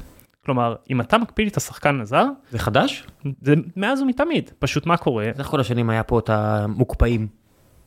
אין לי מושג אחי, אבל אני פעם אחת ניסו לעשות את זה אחד השחקנים שלי ועליתי להתקפה חולנית קדימה. שלחת להם אימייל? מה זה אימייל? ישר, ישר טלפון לעורך דין שלי, ישר, תוך יום וחצי. מה עורך דין עושה? אומר, חבר'ה, יש לכם... מה, שולח אימייל? שולח הכנה? שולח, כן, שולח ישר, חבר'ה, יש לכם 72 שעות לחזור, לחזור, לחזור בכם, או שאנחנו הולכים לפיפא, כאילו, אה, כי פיפא מגדירה אה, שני תנאים על מנת שחוזה יהיה תקף. אה, שהתנאי הראשון הוא שהשחקן מקבל את המשכורת שלו, וברגע שהוא חודשיים לא מקבל משכורת הוא יכול להתיר את החוזה באופן חד צדדי ולתבוע את הכסף שלו בפיפא, והתנאי השני שהוא... רטרואקטיבית על כל החוזה? קדימה גם. קדימה, קדימה במינוס הדלתא של כמה הוא ירוויח. במקום שיחתום, אוקיי? השחקן לא יושב בבית עכשיו שנתיים. אה, ואם הוא חתם בחוזה יותר טוב אז נגמרה התביעה? כן.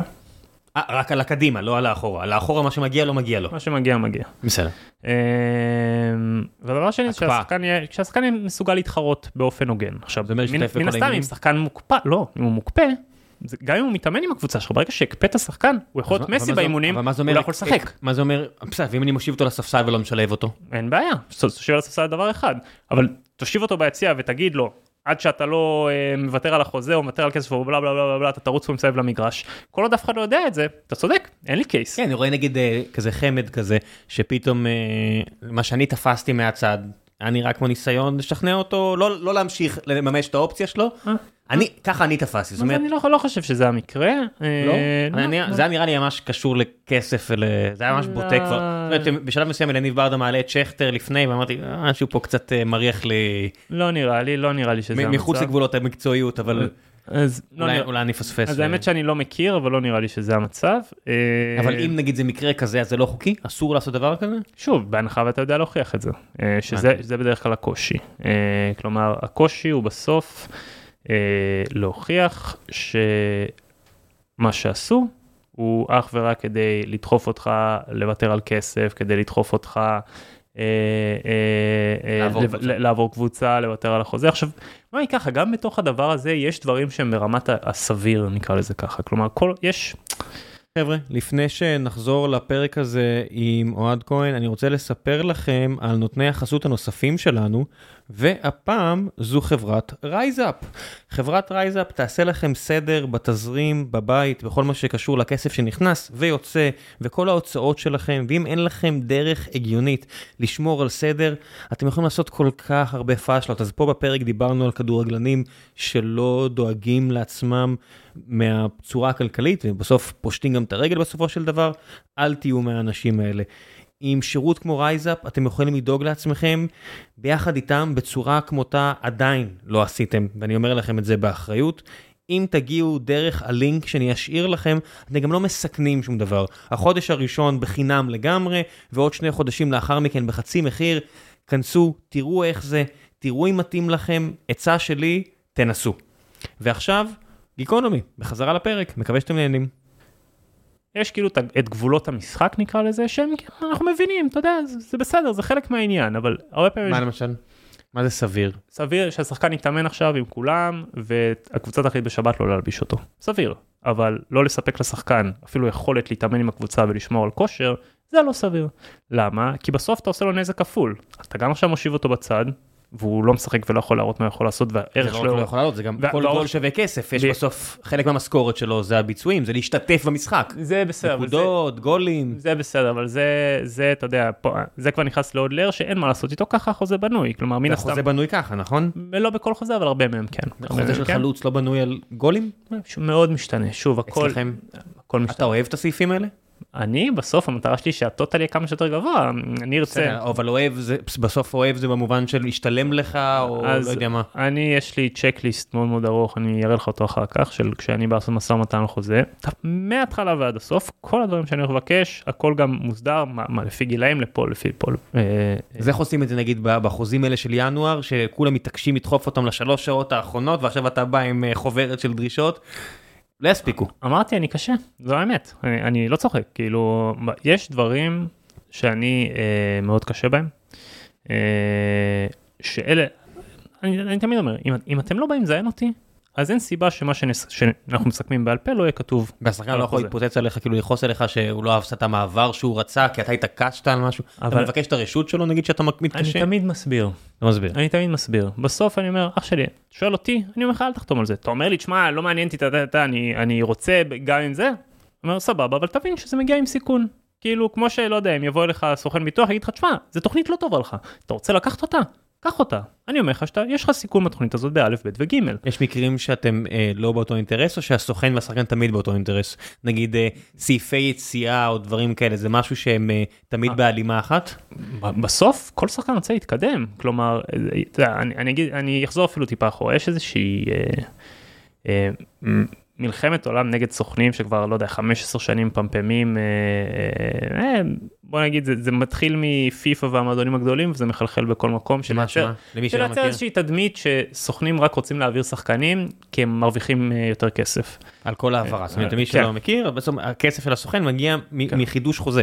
עכשיו, לא גם כאילו גם, לא גם מחוזים רצים אבל לא משנה. אבל אבל- הכסף הגדול הוא מגיע מה- אה. מהחוזים החדשים, לא? אז, אז אני אגיד דבר כזה, אה, א', אני לא יודע לדבר בשם סוכנים אחרים, אני יודע לדבר בשמי. אה, בסוף, אני מאמין שכשעושים החלטות מקצועיות נכונות, הכסף מגיע. ובסוף, כל אחד מהשחקנים שעשינו דרך, גם אם טיפה יותר ארוכה, אבל יותר נכונה עם בנייה, בסוף גם הרוויח כסף וגם אני הרווחתי כסף. כולנו מבינים שאם השחקן בסוף יסיים ב... עזוב ביירן מינכן בבונדסליגה, כנראה שאני ארוויח יותר כסף מאם הוא יסיים במכבי תל אביב. זאת השאיפה, ו- וכל המסלול... באמת? זה, זה אקסיומה מה שאמרת עכשיו? כי אני יודע שנגיד בסופו של דבר כדי לשכנע שחקנים להגיע למכבי תל אביב, להפועל באר שבע, הרבה פעמים מקבלים משכורת יותר גבוהה מאשר ב, אה, בליגה השנייה בצרפת. אני לא או- יכול להגיד לך כמה פעמים מכבי תל אביב, מכבי חיפה או הפועל באר שבע התקשרו על שחקנים יותר צעירים שלי שמשחקים פה ואמרתי לא. לא יכול להגיד לך כמה פעמים. יאללה, שוב שוב שוב שוב. אני לא יכול להגיד לך כמה פעמים מכבי תל אביב, מכבי חיפה כן. והפועל באר שבע התקשרו אליי על שחקנים צעירים שמשחקים פה. מה זה לא- פה בישראל? בישראל ואמרתי לא. כי אתה רוצה להוציא אותם. כן כי אני מבין שאם עכשיו מכרתי שחקן ממ"ס אשדוד להפועל באר שבע והפועל באר שבע שילמה עליו מיליון יורו. בכמה הוא נמכר מבאר שבע? מתי באר שבע פעם אחת? הרי באר שבע ירצו 3, 4, 5 נכון זה פלוס מינוס הם קנו במיליון. השחקן הכי יקר שבאר שבע הוציאה היה סבא, לסין בחמישה מיליון, הוא הקם איזה מיליון ומשהו.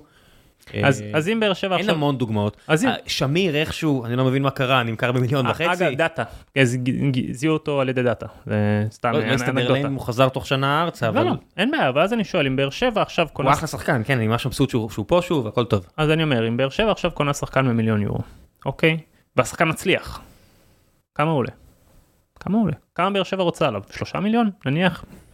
זה רמת הכסף שהיא תרצה, שהוא ברמת הסביר? יכולים לרצות, אנחנו לא- אנחנו לא מקבלים את הסכומים. יפה. לא ואז יודע למה נגיד אה, שוער כמו גלאזר, מרגיש לי שרק בגלל שזה הפועל באר שבע, אז אפשר לסובב לה את היד ולמכור אותו בזול. לא, כי אתה לא יכול להחזיק שחקנים בכוח, אתה לא יכול. אין לך leverage?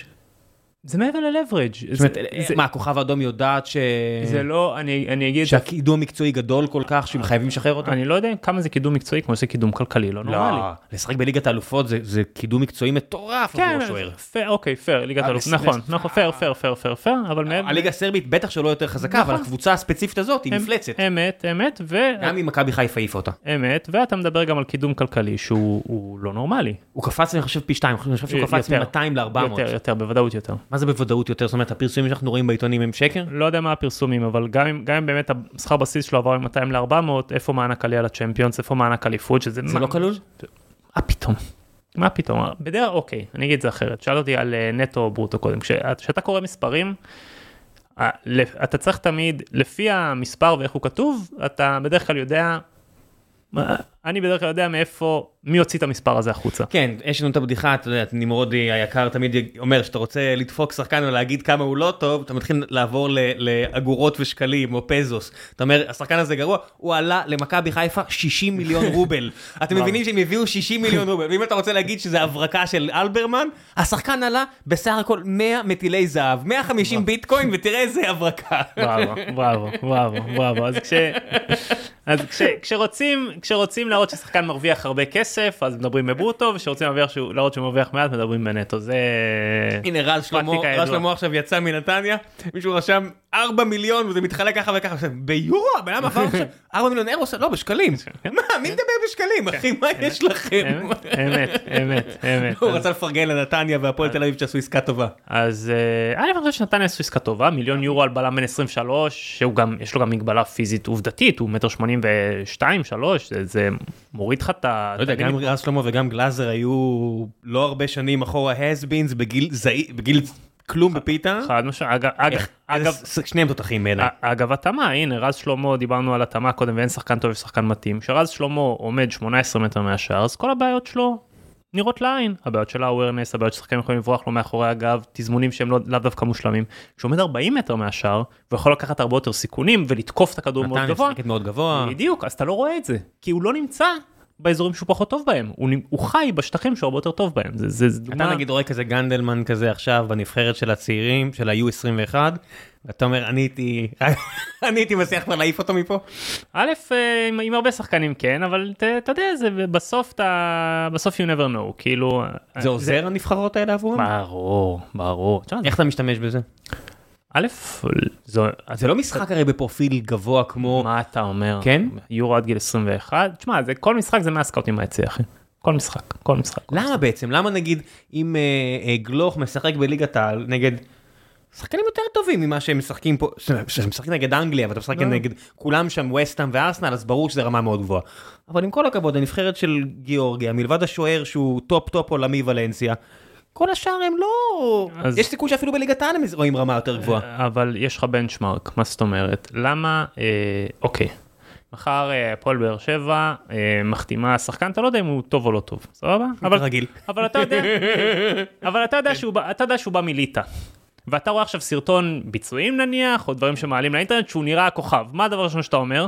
זר אכזר מה הכוונה? לא, לא, אתה אומר, וואלה, הוא בא מליטא, הוא בא מליטא, אני לא יודע מה קורה שם. אני חי בסרט, פתאום, אני חי. בסרט, לא, בחרת דוגמה לא טובה. אני נורא קל אוקיי. לשכנע אותי, נורא קל למכור לי מנוי, נורא קל, זה לא מכירה קשה. אז- אז, אה, אז- אז לרוב. אבל ברור יגידו- שאני מוריד את הרמה כשאני אז רואה... יגידו, כן. אני לא יודע, הוא מגיע מליטא, אני לא יודע מה הרמה שם, קשה להעריך מה הרמה. עכשיו, מה ההבדל בסוף בין מערכות scouting באמת טובות למערכות scouting שהן בינוניות?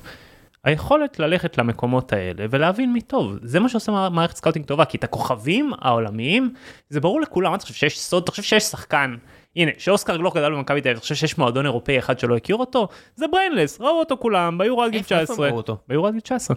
ולפני כן לא? לא, אני לא הכיר אותו, לא הייתה לו חשיפה, איפה יראו אותו? אז הוא כבר היה אצל הקצבים, לא?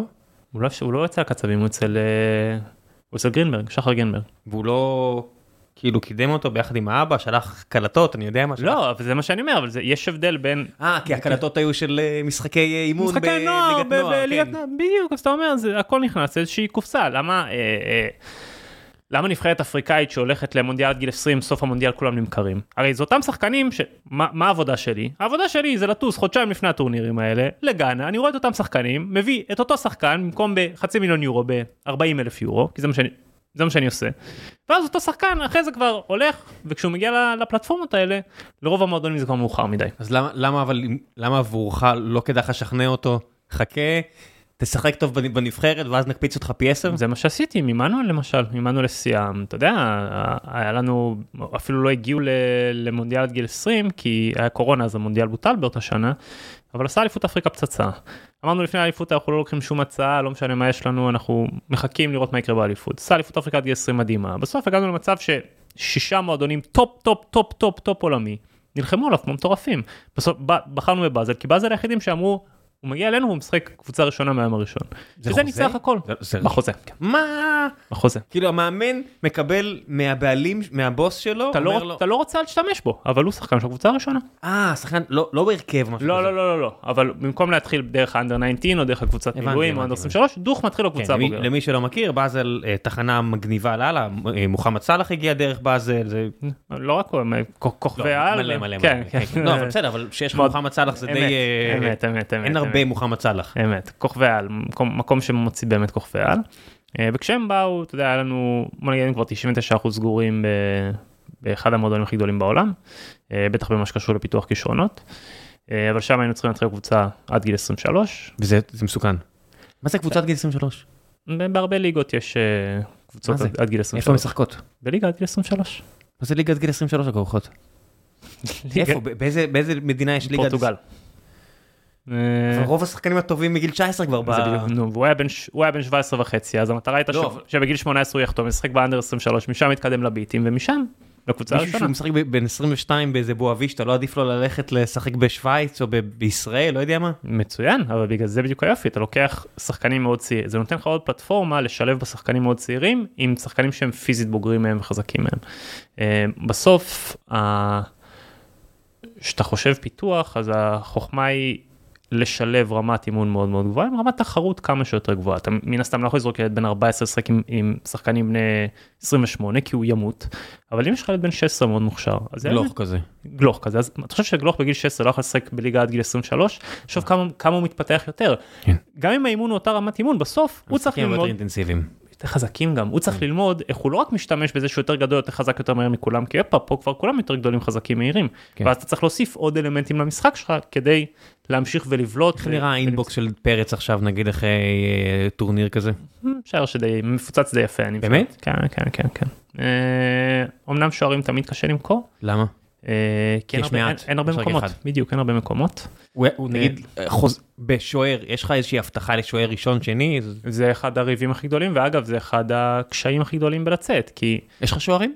אה, כן, עכשיו אה, אחד השוערים של נבחרת הנוער, אה, ועוד שוער ראשון, הולך להיות בתקווה ראשון השנה של הפועל רמת גן, שני חבר'ה צעירים. אה, זה פעם ראשונה שאתה כן. מייצג שוערים. כן, כן. זה- זה מקצוע, כאילו, אני יודע, נכון? יש. אה, החוכמה, תשמע, זה מאוד דומה לדברים שאנחנו עושים אה, ביום יום. אה, ההבדל היחיד הוא שכמות ההזדמנויות היא הרבה יותר מוגבלת, אז אתה צריך הרבה מאוד פעמים לעשות דברים שהם... עם שחקן הרבה פעמים אתה יכול לחכות להזדמנות המושלמת, אה, או בוא נגיד הקרוב למושלמת. עם שוערים זה לא לפי בקשתך, אתה הרבה פעמים צריך פשוט להינעל על הזדמנות שהיא בסדר ומעלה, ולקחת אותה. כי, אתן לך דוגמה בישראל, בישראל יש לך בשתי הליגות הבכירות, יש לך 30 שוערים. אה, 30 שוערים ראשונים ואז 30 שוערים שניים, סבבה 60 שוערים טוטל. כמה שוערים עולים כל מחזור? תחשוב על זה, כמה, עזוב, זה גם קריירה שהכי מאריכת שנים, יש לך גם שוערים בני 36, 7, 8 שעדיין משחקים. בסוף יש לך 300 שוערים שנלחמים כל שנה על 60 מקומות, של שוער ראשון שני בליגה, ליגת העל, ליגה לאומית. ואז כל הדור הצעיר של השוערים חייב, או הרוב שלו חייב לבנות עצמו דרך ליגה ב', ליגה א', להיבנות לאט לאט לאט למעלה. אה, עכשיו זה בסדר לעשות את מה שכולם עושים, אה, אבל בתפיסה שלי הרבה פעמים ה- אני רוצה הרבה פעמים לנסות לעשות את הבלתי אפשרי. אה, קבוצה נורא, זה אימון נורא גדול ללכת על שוער אה, צעיר, שוער לא מוכר, זה... אז אני לא חושב ש... האוהדים טוחנים אותך, כולם חכמולוגים, טעות ראשונה, אתה מתחיל כבר, אתה יודע, מועדון כדורגל, כאילו מגרש כדורגל זה מקום אכזרי. אני מסכים, אבל... בטח לשוער שהוא עומד שם ושומע את זה. אה. אנשים יושבים לך על האוזן, כאילו. אני מסכים ומהצד השני אני חושב ש...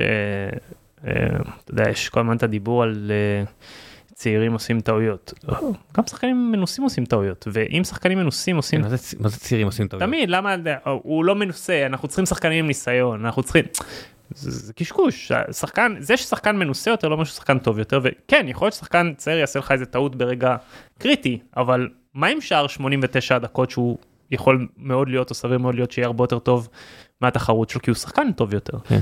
אה, מה לגבי שינויי עמדות? זאת אומרת, שוער אין לשנות עמדה, אבל במקומות אחרים, נגיד, לא יודע, מה שקרה עם יחזקאל השנה, שפתאום משנה עמדה. קרה לך? אה, נובטוס אה, גדל כקשר אחורי הבאנו אותו גם בישראל שיחק קשר אחורי. העברתי אותו מביתר תל אביב דוך לליגה ראשונה בבלגיה. אה, איך דבר כזה קורה לקוחות? כי זה לא פעם ראשונה ולא פעם היחידה שזה קרה. עובדים עובדים קשה אחי. מה אתה מוכר? כי כמו שאמרת, על ליטא, אז אני מסתכל, אני אומר, אוקיי, המגרש הזה נראה קצת חאווה. כשאני רואה מגרשים של ליגה לאומית, אני גם...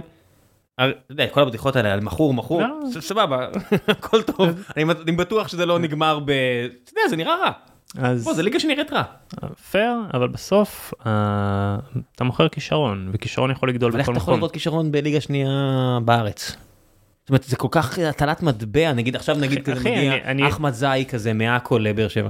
אני מניאקים, יודעים, אחד מהם, יודעים אם הוא יהיה טוב או לא יהיה טוב. יכול להיות שהוא הברקה, יכול להיות שכלום, באמת, זה... זה כל שנה היה איזה גל לוי מהפועל פתח תקווה, כבש גול משחק ראשון, אחרי זה נעלם, זה כאילו, כל שנה יש לך אחד כזה. אז אם אם אני הולך ורואה ורואה אה, בגן על אה, מגרשי חול מלאים בורות אפילו בלי טיפה של דשא, שחקנים בני 16, 17, 18 ואומר אוקיי, זה, זה יהיה... מה אתה רואה? לפרק, במצבים כאלה. לפרק את זה? כן, כן. אה, אתה מחפש בגדול... כולם אתלטים אני מניח, אז לא, לא... לא, לא באמת, לא באמת, לא באמת. לא? לא. אה, כאילו יש כאלה שאתה מסכן אתה אומר וואו איזה אתלט. לא, כמו, כמו תמיד, יש חבר'ה שם ש... מה, אתה עושה להם ורטיקל ליפ? אתה אומר להם בוא נראה אותך קופץ... אה. לא, לא, לא, לא, לא, לא, אתה, א', אתה מחפש אה, מן הסתם, אתה מחפש כישרון שהוא גולמי, אתה מתעלם מכל מה שקשור לטקטיקה, מתעלם לכל מה שקשור. הבנה שבפוטבול נולדג' מה שנקרא לא מעניין אותי שום דבר איך שהוא מה הטקטיקה איך הוא מבין את המשחק איך הוא ממוקם זה לא מעניין אותי ברור לי שהוא לא למד את זה אז כמו שאותך אני לא אשפוט אם אני אתן לך לעשות מבחן בסינית אז אין לי מה לשפוט אותו על דברים שהוא מעולם לא למד אז ברגע שאתה מנטרל את כל זה ומחפש כישרון גולמי הרבה יותר ככה במה אתה מתמקד אז אתה מתמקד לצורך העניין אה, אה, מן הסתם בכל דברים שהם קשורים לאתלטיות. אה, מה, מה אתה יכול מה אתה מודד? אתה עושה לו מדידה של 60 מטר דש? אני, אני לא צריך אני רואה כלומר אתה יכול להבחין יציאה מהמקום שהיא חד משמעית אני עושה את זה כבר עשר שנים באופן מאוד מאוד עצים המוח שלך העיניים שלך מתרגלות לאיזשהו קצב מסוים כשאתה רואה משהו שהוא חריג ביחס למה שאתה רגיל אז הוא, זה מדליק נורה. אה, תחפש נגיעה ראשונה שזה בעיניי הדבר הכי חשוב בכדורגל היום by far. by far by far by far בלי תחרות. מה תפרק מה זה אומר נגיעה ראשונה? נגיעה ראשונה זה אומר ש... אה, יכולת לעצור כדור ברכות לא, לא, האלה? לא רק זה, זה נגיעה ראשונה למה היא טומנת בתוכה הכל כי הנה בוא נשאל אותך שאלה אני אעשה איתך דמיון מודרך. דמיין נגיעה ראשונה עכשיו שהשחקן אה, זרקו עליו כדור אה, ארוך נניח והוא תוך כדי הספרינט הוריד את הנגיעה כן, הראשונה. כן, מרסלו כזה שיודע כזה ב- ללטף מוש... כדור ולרוץ איתו מוש... על הקו. מושלם עכשיו בוא נגיד שהוא הוריד את הכדור הזה 5-6-7 מטר ממנו לשטח אוקיי. ובוא נגיד שבאמת גם לא היה שם אף יריב בשטח הזה והוא באמת רץ והגיע לכדור הזה. שחקן שמוריד את הכדור 5-6-7 מטר רחוק מהרגל שלו, הוא שחקן מהיר או איטי? הוא כנראה צריך להיות ממש מהיר, הוא כנראה ממש צריך לסמוך על המהירות שלו כדי להגיע לכדור הזה, או שהוא חסר כישרון בצורה מוחלטת, זה גם אפשרות. אז אנחנו אף פעם לא לוקחים טווח דגימה של פעולה אחת, אנחנו לוקחים אה, טווח דגימה של הרבה פעולות. אם אני עושה בכוונה, אני נותן לעצמי כל כך הרבה מרחק, זאת אומרת, אני שיש לי אפס כישרון, אני מנסה שזה יהיה צמוד לי לרגל, כי אני פלגמט. בדיוק, אז גם כן. אני, אני השחקן כדורגל הכי איטי שאי פעם תראה, אז אני, כדור כל הזמן חייב להיות קרוב אליי לרגל. אה, תיקחו לי אותו. יפה. כן, לא סומך על עצמי, כן. יפה. אז אם אתה רואה ששחקן פעם אחרי פעם מוריד לעצמו את הכדור לשטח, ואתה גם רואה שלמרות שהכדור בא בסוויץ' מהצד השני, כלומר סוויץ' ימין זה שמאל, ימין שמאל, כן. בדיוק, כשכדור נמצא באגף אחד של המגרש, כן. זה תמיד נראה לי כמו קסם, אני מודה שזה הפעולות האלה שהן די טריוויאליות אפילו ברמת ליגת העל, אני אומר איזה קוסם. כן, כן, כן, כן, עכשיו, עכשיו תחשוב שהרי כשאתה מגן והכדור מגיע לך בסוויץ', על מה אתה מסתכל? על הכדור? יפה, אז איך אתה יודע לאן אתה צריך להוריד את הכדור? התמצאות ב... זה הדבר שאני עושה כל היום, אני יודע. יפה, אז, אז אם, אם אני רואה שכל פעם הכדור הולך לא רק 5-7 מטר רחוק ממנו, אלא גם תמיד לשטח מת וריק, אני גם אומר אוקיי מצוין, אז בנגיעה הראשונה כבר, עוד לפני שבכלל ראיתי את השחקן משחק, אלא רק דמיינתי לך את זה, אני יודע שהוא מהיר ואני יודע שיש לו awareness מצוין, כי כל פעם הכדור הולך בדיוק לשטח המת, בדיוק לאן שהוא צריך, בדיוק במשקל הנכון. מה עם טכניקת בעיטה? הרי טכניקת בעיטה היום, לא אתה יודע. לא מעניין. לא שאפשר ללמוד? בדיוק, כל החוכמה היא להפריד דברים שאני לא יכול ללמד לדברים שאני יכול ללמד. בסוף, אה, אני אוהב להגדיר את זה בתור, אה, נקרא לזה בסיס טכני, וקרא לזה פעולות מכניות. שחקן, לא משנה בין כמה הוא, לא משנה בין כמה הוא, אם הוא מחליט שהוא לומד עכשיו לבעוט לשער, הוא ידע לבעוט לשער. אני אה, לא צריך לתת אה, את הדוגמה של ערן זהבי ששיחק אה, 8 ו-10 כל הקריירה שלו ופתאום הפך להיות חלוץ ואז יש מיליוני וידאוים שלו עובד עם המאמנים הפרטיים שלו הולך לסיים יותר טוב ונהיה שחקן של 35 שערים בעונה באהלן אהלן כבר איזה 7 עונות ברצף. הסיומת שלו היא level B עולמי. יותר, לא יותר, יותר, יותר, יותר, יותר, חד משמעית. חד משמעית. בי אני מתכוון בהכי גבוה, לא, כן? לא, לא. אני משווה אותו להכי טובים. הבעיטה שלו מ-25 מטר, 20 מטרים בשיאו, טופ עולמי. לא רק 25-30, גם מתוך החווה. ערן זהבי שחקן שכשהוא מחטיא, אתה מופתע. תחשוב על זה, כמה שחקנים אתה יכול לדמיין בעולם. עכשיו כבר לא, אבל... כן, סבבה, בסדר. הוא לא ילד. כן, כן, כן, אבל שחקן שהוא... בשיאו. כשהוא היה בשיא שלו, כשהוא היה מחטיא היית יותר מופתע מאשר שהוא היה מבקיע.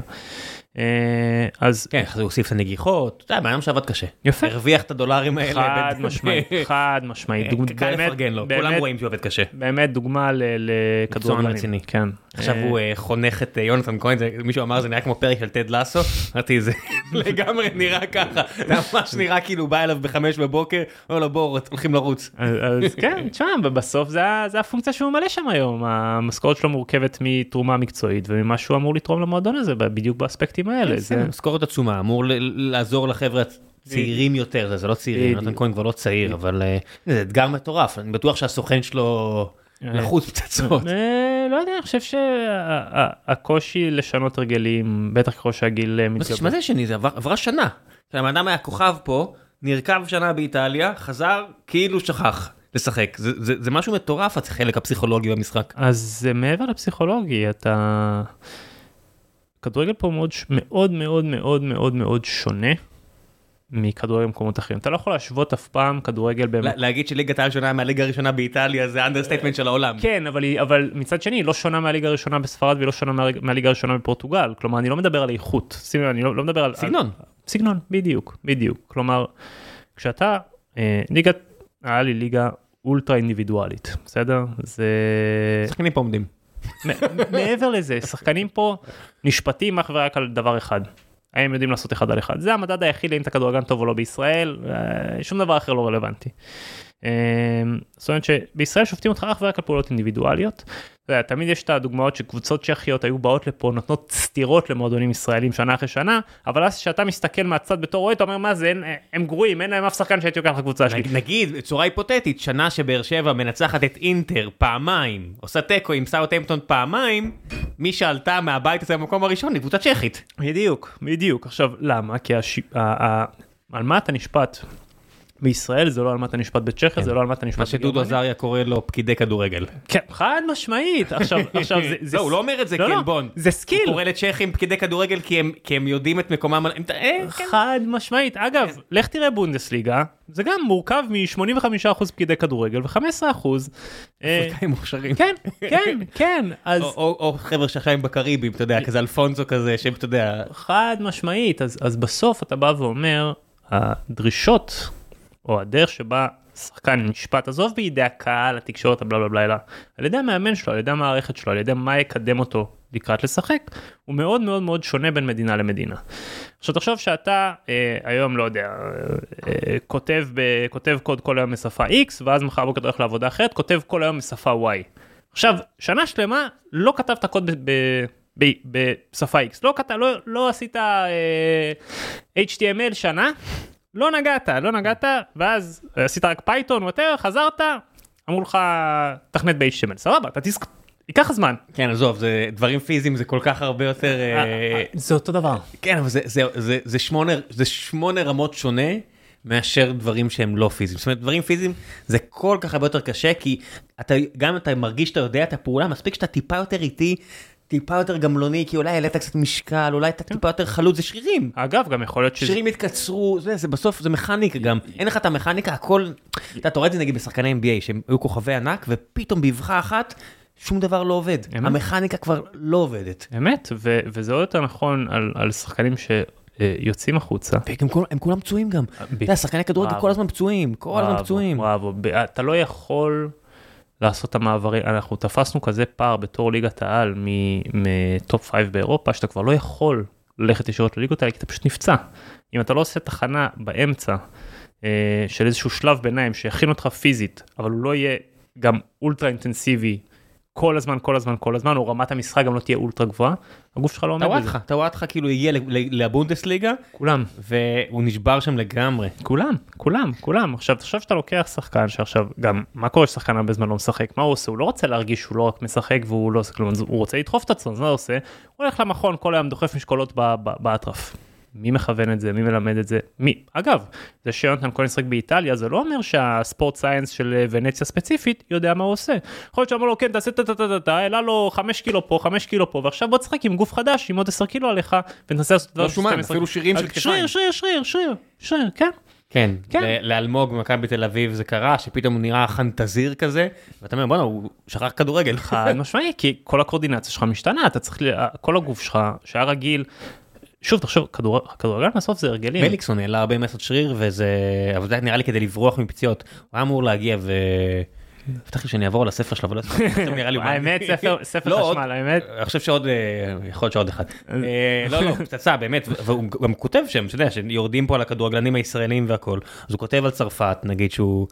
או לא יודע מה שנתקע באיבראימוביץ' כזה הוא מספר שם בספר זה האינטנסיביות אבל בסופו של דבר אתה יודע, יש פה שחקנים מקצוענים אבל הקצב מסביב. אתה יודע כזה הוא הקמא כזה שהוא היה. יודע, יצא לי לשבת עם אה, אני מקווה שהוא לא יכעס עליי אבל יצא לי לשבת עם אשר אלון. ואני מעביר פה סיפור של אשר אלון, אז אה, בבקשה, מר אלון בלי לכעוס.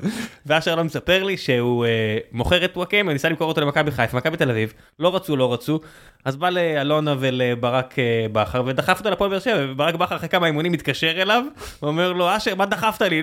הבן אדם לא יודע כדורגל, הבטחת לי משהו, הוא אומר, טוב, טוב, שב, שב, תראה שהוא טוב, והוא המשיך להתקשר אליו אחרי, כי, ובאמת, אתה יודע, כאוהד, אני יודע שרק אחרי איזה חמישה שהם משחקים, ברק בכר התחיל לתת לו.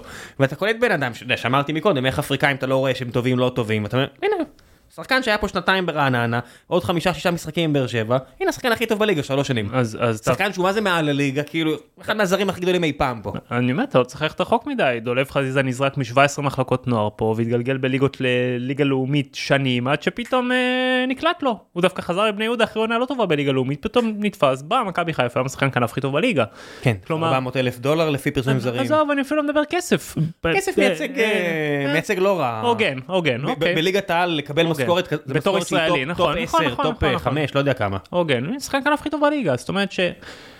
גם בלי המספרים שנה שעברה, לא. כשהיה צריך, הפועל תל אביב שם את הגול, כאילו בישל את הגול. אבל הנה זה מה, ש... זה מה שאני אומר זה תפוזים ותפוחים כי כי לשפוט את חזיזה במשקפיים של לשפוט את אצילי זה לא הוגן כי מאצילי מצפים לקחת את הכדור לעשות אחד על אחד אחד על אחד ולבעוט. להפך, אצילי שהוא ו- לא כובש, אתה אומר, מה הוא עושה על המגרש? קוסומו. בדיוק וחזיזה שהוא לא כובש לא מבשל הוא עדיין בכל מקום הוא עדיין זוכה ב-17 מיליון כדורים הוא עדיין חלק מהתבנית לחץ כל הקבוצה משחקת מאוד מאוד טוב שהוא על המגרש. כן, הוא גם אכבר גבר כזה על המגרש, הוא- אז- הוא ארס גדול על המגרש, ואני אומר את זה לחיוב, כן? אז ב- בגלל זה בסוף אנחנו משחקים 11 על 11 לא 1 על 1 כפול 11 אה, וכדורגלים בסוף אמרתי לך זה סט של הרגלים שאתה רוצה לשנות משהו. אתה צריך לשבור הרגל זה דבר מאוד קשה לא רק בספורט אלא בכל דבר בחיים. זה חבר'ה שמגיל 5 עושים אותו דבר ובלי גיידנס נכון זה לא ישתנה. אה, ואז שאתה שחקן יוצא פתאום לאזור אחר לחלוטין מדינה אחרת כדורגל אחר פתאום אומרים לו אז יש לך כאילו מחשבה שנגיד שאתה מביא כזה אפריקאי אה, לליגה ישראלית, ואתה אומר, אני חושב שהבן אדם הזה יכול להיות בבונדסליגה, אז אתה רוצה להעביר אותו דרך שווייץ ובלגיה לפני? חד כדי משמעית, שלא י- חד- שלא ייפצע? חד משמעית ובאידיאל בשנים האחרונות גם בעדיפות לא לעשות את העצירה פה. אה, כי אני רואה איך שחקנים שנראים אחרי שנה בבאזל אותם אותם אותו רמת כישרון איך הוא נראה אחרי תביא את אותו כישרון לבאזל ולמכבי תל אביב איך הוא נראה אחרי שנה בבאזל איך הוא נראה אחרי שנה במכבי תל אביב.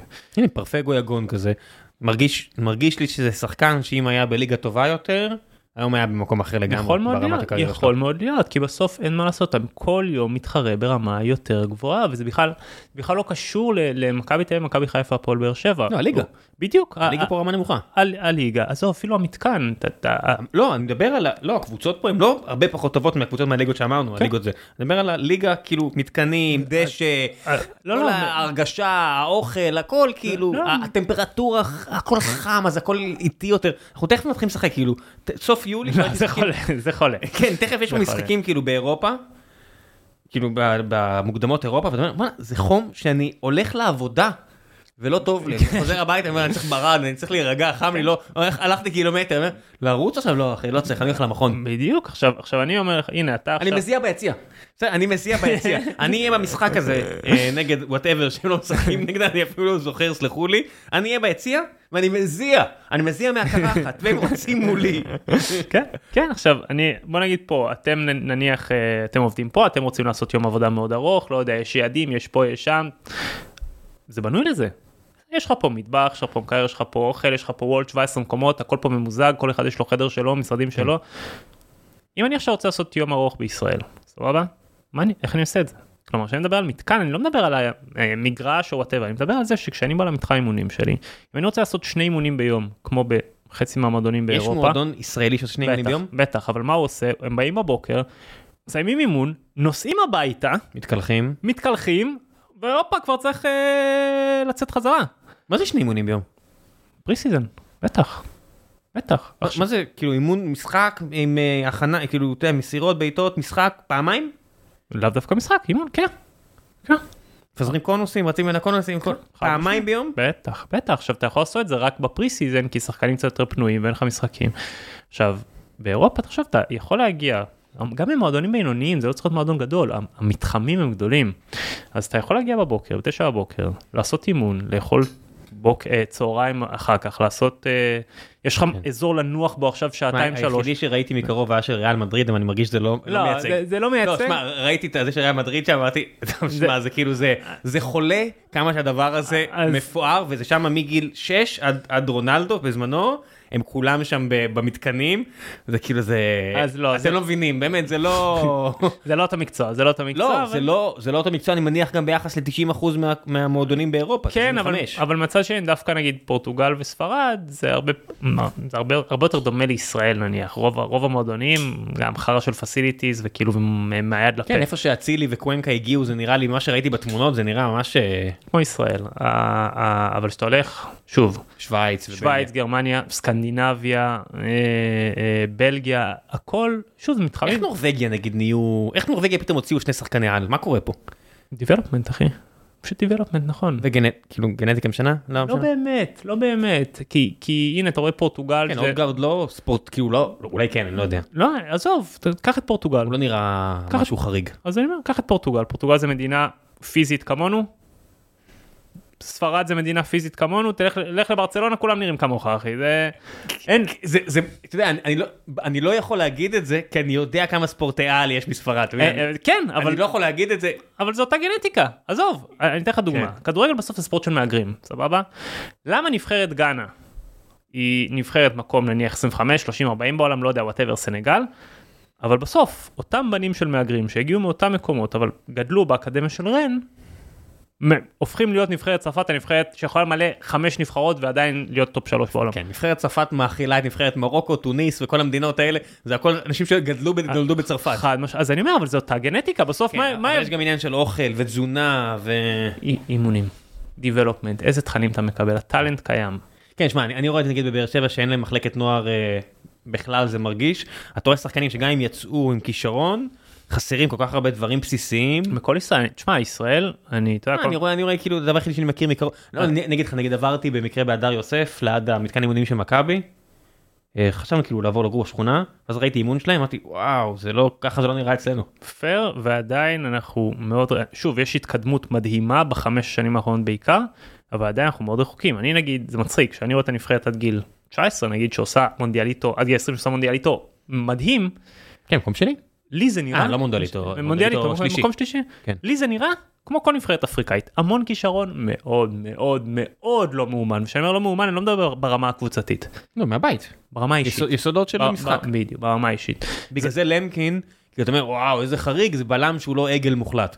אה. יש מעט מאוד בלמים בארץ, בלי להעליב, אני רואה נגיד את אה, בלוריאן, שעכשיו בנבחרת. עכשיו ראיתי אותו בהפועל באר שבע, אמרתי, מה זה, מי, מי עובד עם הילד הזה? אז כאילו איפה, איך הילד הזה נפל בין הכיסאות כל כך הרבה זמן שהוא עולה לשחק נגד אשדוד, לא תגיד נגד ברצלונה, והוא בשוק עולם, הוא בהיסטריה, הוא לא מגיב, כאילו, אה. משהו, משהו קרה פה מגיל 12 עד גיל 19, כאילו בנבחרת הוא בטוח פיזית, אתלטית, בעיטה בכדור, שמירה, לא יודע מה, כנראה טוב, אבל משהו ביסודות רקוב. אז בבלמים אתה מאוד רואה את זה, בקשרים אתה מאוד רואה בלמים, את זה. אם, אם לא- אין לך בלם אירופאי טוב, או לא אירופאי, זר טוב, כאילו, הנה, עזוב, אתה ראית, את מיגל ויטור עכשיו שבע שנים מקרוב. מה מיוחד במיגל ויטור? שמע, שהוא שהוא היה צעיר יותר, הוא היה גם אתלטי, עזוב צעיר, אתה, מה מיוחד בו? לא, הוא יודע איפה הוא תמיד על המגרש, הוא, הזוויות גוף שלו תמיד מושלמות. כן, הוא לא. יודע איך לעמוד נכון, שגם אם השחקן השני יותר מהיר, בהרבה מקרים אתה אומר, בוא'נה, איזה קסם. כן. לא, הוא גם, הוא גם יודע את המיקום על המגרש, נכון. הוא יודע לקרוא את המגרש ממש טוב, ממש, אבו עביד לידו, עובר להיות מבלם סביר לבלם טוב. קח את אותו טאלנט, תן לו גם לגדול. גרסיה במכבי היה אותו דבר. אז אני אומר, קח את אותו טאלנט, תן לו לגדול במחלקת, תבחר אתה איזה מחלקת נוער בישראל הכי טובה, מה הכי טוב לדעתך, קח את אותו טאלנט של מיגל ויטור, שים אותו במחלקת נוער פה. אני אומר. בדיוק, שום סיכוי. בדיוק, אז אז בסוף, במקרה הטוב זה חתם. יפה. שחקן שכל משחק עושה טעות של גול. יפה. פעם במשחק טעות של גול. אז, אז בסוף אתה בא... הוא הכי טוב, אתה יודע, הוא בין הטובים אצלנו, כן, הוא הגיע חד לסלטיק. משמעית, חד משמעית, קריירה. חשמל, קריירה חשמל, ו- ואני ואני אומר להפך, אם חתם אני לא גדל, יודע אם טכנית, חתם לא יותר טוב מ... לא, כאילו, 90 אתלטית. 90 95% מהבלמים בעולם, חתם טוב מהם טכנית, יותר- אולי אפילו יותר מ-95%. כן, כי הוא לא באמת, כי הוא לא- כי הוא לא חושב שהוא לא רוצה להיות בלם. אין- בעיה, הוא גם לא רוצה להיות מגן, אבל בסדר, זה משהו אחר. אין כן. בעיה, אבל זה- הטאלנט, שוב, כן. טאלנט כזה שאתה שם, יש לו- כדורגל. שאתה מגדל אותו במקום שמלמד אותו באמת יסודות טובים של כדורגל, הוא- הפוטנציאל שלו הוא אינסופי. נגיד סק כזה, סק לא קשור לליגה פה. אז אז סקו הדוגמה הפו- בעיניי ההפוכה הוא בלם מצוין יש לו ארגזים של דפקות כי הוא לא קיבל פוטבול אדיוקיישן נכון בגיל צעיר כי הוא גדל ב... פשוט אתלט. על. נכון הוא הרבה יותר חזק מה... ומעבר, ומעבר לזה שים את סק בקבוצה כמו אה, מ"ס אשדוד לא משנה קבוצה שמגנה קרוב לשער לא טוב? לא טוב בגלל זה הוא עדיין פה? שים, שים אותו בקבוצה שמגנה 40 מטר מהשאר, כוכב על. כי סק יש לו את אותם בעיות בזוויות גוף, בשחקנים שבורחים לו מאחורי הגב, באווירנס, אבל כשהוא משחק 40 מטר מהשאר, אף אחד לא רואה את זה כי הוא תוקף את הכדור כל כך גבוה, שזה בכלל לא רלוונטי. והוא אז- יודע לחזור, נגיד כמו נגד יוג'ין. אז זה מה שאני אומר, נכון, זה. ה-claim to fame שלו, המהלך הזה השנה. י- יפה, עכשיו תחשוב שהדבר הזה נגד יוג'ין, אם סק משחק באשדוד, אז הדבר הזה לא קורה 30 מטר מהשער שנותן לו זמן לחזור, אלא זה קורה 11 מטר מהשער, ואז אין לו זמן להגיב. דבר כזה נגיד יושב ליוג'ין בראש אחי? כן, אבל אה, כל החוכמה כי- זה כי הוא נקסט. לא אוהד, הוא לא רואה את זה, נגיד אוהדי מכבי חיפה ראו את הסרטון הזה 800 אלף פעם, שחקן גם מת- מתאבסס על דברים כאלה? כן, אבל וכל העבודה עם, אה, עם שחקנים זה להתנתק מזה. אני אגיד לך, שיוג'ין... להתנתק, יש לך הרבה מה ללמוד, נגיד כחלוץ, כיוג'ין, זאת אומרת, חלוץ, היה יודע להוציא מזה פאול, נגיד, כאילו המקרה הכי טוב, אם שחקן גולש עליך, מה הכי טוב שאתה יכול להשיג, פאול? פנדל? הנגיעה הראשונה שלו שם לא הייתה טובה, זה הכל. מה זה אומר נגיעה ראשונה לא טובה? ברמה שהוא היה משאיר את הכדור טיפה רחוק יותר, וקופץ מעל הרגל שמושטת, ואז הוא חופשי מול השער לבד? הנגיעה הראשונה שלו במקום לחתוך את התנועה של הבלם, שזה מה שהוא ניסה לעשות, ה- ה- הרעיון שלו היה טוב, הביצוע שלו לא היה טוב, ובמקום שהכדור יחתוך לכיוון המרכז ואז הוא יכול לרוץ על אלכסונית ואז הבלם לא יכול לסגור אותו גם אלף פעם אם הוא רוצה, כי גם אם הוא הכי מהר גדול חזק בעולם, יוג'ין בינו לבין הכדור. כן, זה מה שאושרת עין הסבירה לי. ה- הנגיעה הראשונה שלו ברחה לו טיפה בין הרגליים ואז הוא היה חייב לרוץ טיפה שמאלה כדי להגיע למצב של העיוות וזה נתן לסק את האפשרות לחתוך כן. אותו אה, אה, מימין. אה, אין אין מה ללמוד פה פשוט פ- אתה יודע פעולה טכנית הזה, לא זה- טובה. זה- זה מה יש לא לך. פעולה טכנית לא טובה קורה כאילו אין. אין אין מה רוב הזמן זה ליגה ישראלית, רוב הזמן אתה לא, אתה יודע, זה כמו שמישהו אמר לי, זה שהוא רץ שם אה, מול מכבי בגביע וגם כבש, צריך להגיד את האמת, בארץ זו הפתעה. אז בארץ שאתה באחד על אחד מול שוער, והשחקן כובש, אה, זה לא כמו באירופה, שאתה יודע שזה גול. אז- בארץ אתה לא יודע שזה גול. אז אני חוזר למשושים בסוף אתה לא יכול לצפות ששחקן שהוא כל כך עליון פיזית ישחק בהפועל באר שבע זה, כי, כי יוג'ין הוא לא עליון פיזית ברמת ליגת העל הוא עליון פיזית כמעט בכל ליגה שאתה תשים אותו אז מן הסתם אם על זה יש לו, יש לו גם טכניקה ברמה. כאילו top top top עולמי לא פה. הוא לא מגיע לפה גם עוד אלף שנה לא, יש, יש, אתה יודע, וואקמה היה פה איכשהו שלוש שנים. וואקמה איתי וואקמה איתי? בטח מאוד אז איך הוא הצליח באיטליה, איך הוא הצליח בטורקיה? כי הוא חזק בצורה בלתי, בלתי סבירה. אני, אני ראיתי שהיה לא, היה איזה שנה, אני חושב שפיפא 21 או 22, שבתפקיד שלו, כאילו ווינגר שמאל, הוא היה הכי חזק בעולם. אין שחקן חזק כזה. כאילו לפחות לפי, לפי, כאילו לא, משחק, לא, לא. הוא היה הכי חזק בעולם. איזה מטורף זה. תקשיב, וואקמה אין לו מהירות, אבל וואקמה מה הוא עושה? ברגע שהוא עבר אותך באחד על אחד, הוא שם את הגוף בינך לבינו כדור ונגמר. הוא גם הוא גם שתיים וחצי מטר כל רוחב, אתה יודע, אי אפשר להקיף יש אותו. מגנים ימניים כאילו שבארץ, עבר כאילו גיהנום. זה- כן, כן, כן, ממש. כן. לא, אתה רואה את זה ברמות הכי גבוהות, הוא באולימפיאקוס, אה, עזוב, הוא השיג חוזה בטורקיה, כי ברבע גמר או שמינית גמר ליגה אירופית, לא זוכר מה זה, היה שחק נגד בשקטש, ובזמן שבשקטש נראו כמו 32, יונייטד, לא- 32? כן. בזמן שבשקטש נראו כמו מנצ'סטר יונייטד נגד הפועל באר שבע, היחיד שבאמת היה שם במשחק וכאילו אמרת מה זה השחקן הזה, זה וואקמה. היחידי שאמרתי מה זה השחקן הזה זה היה קווארסמה.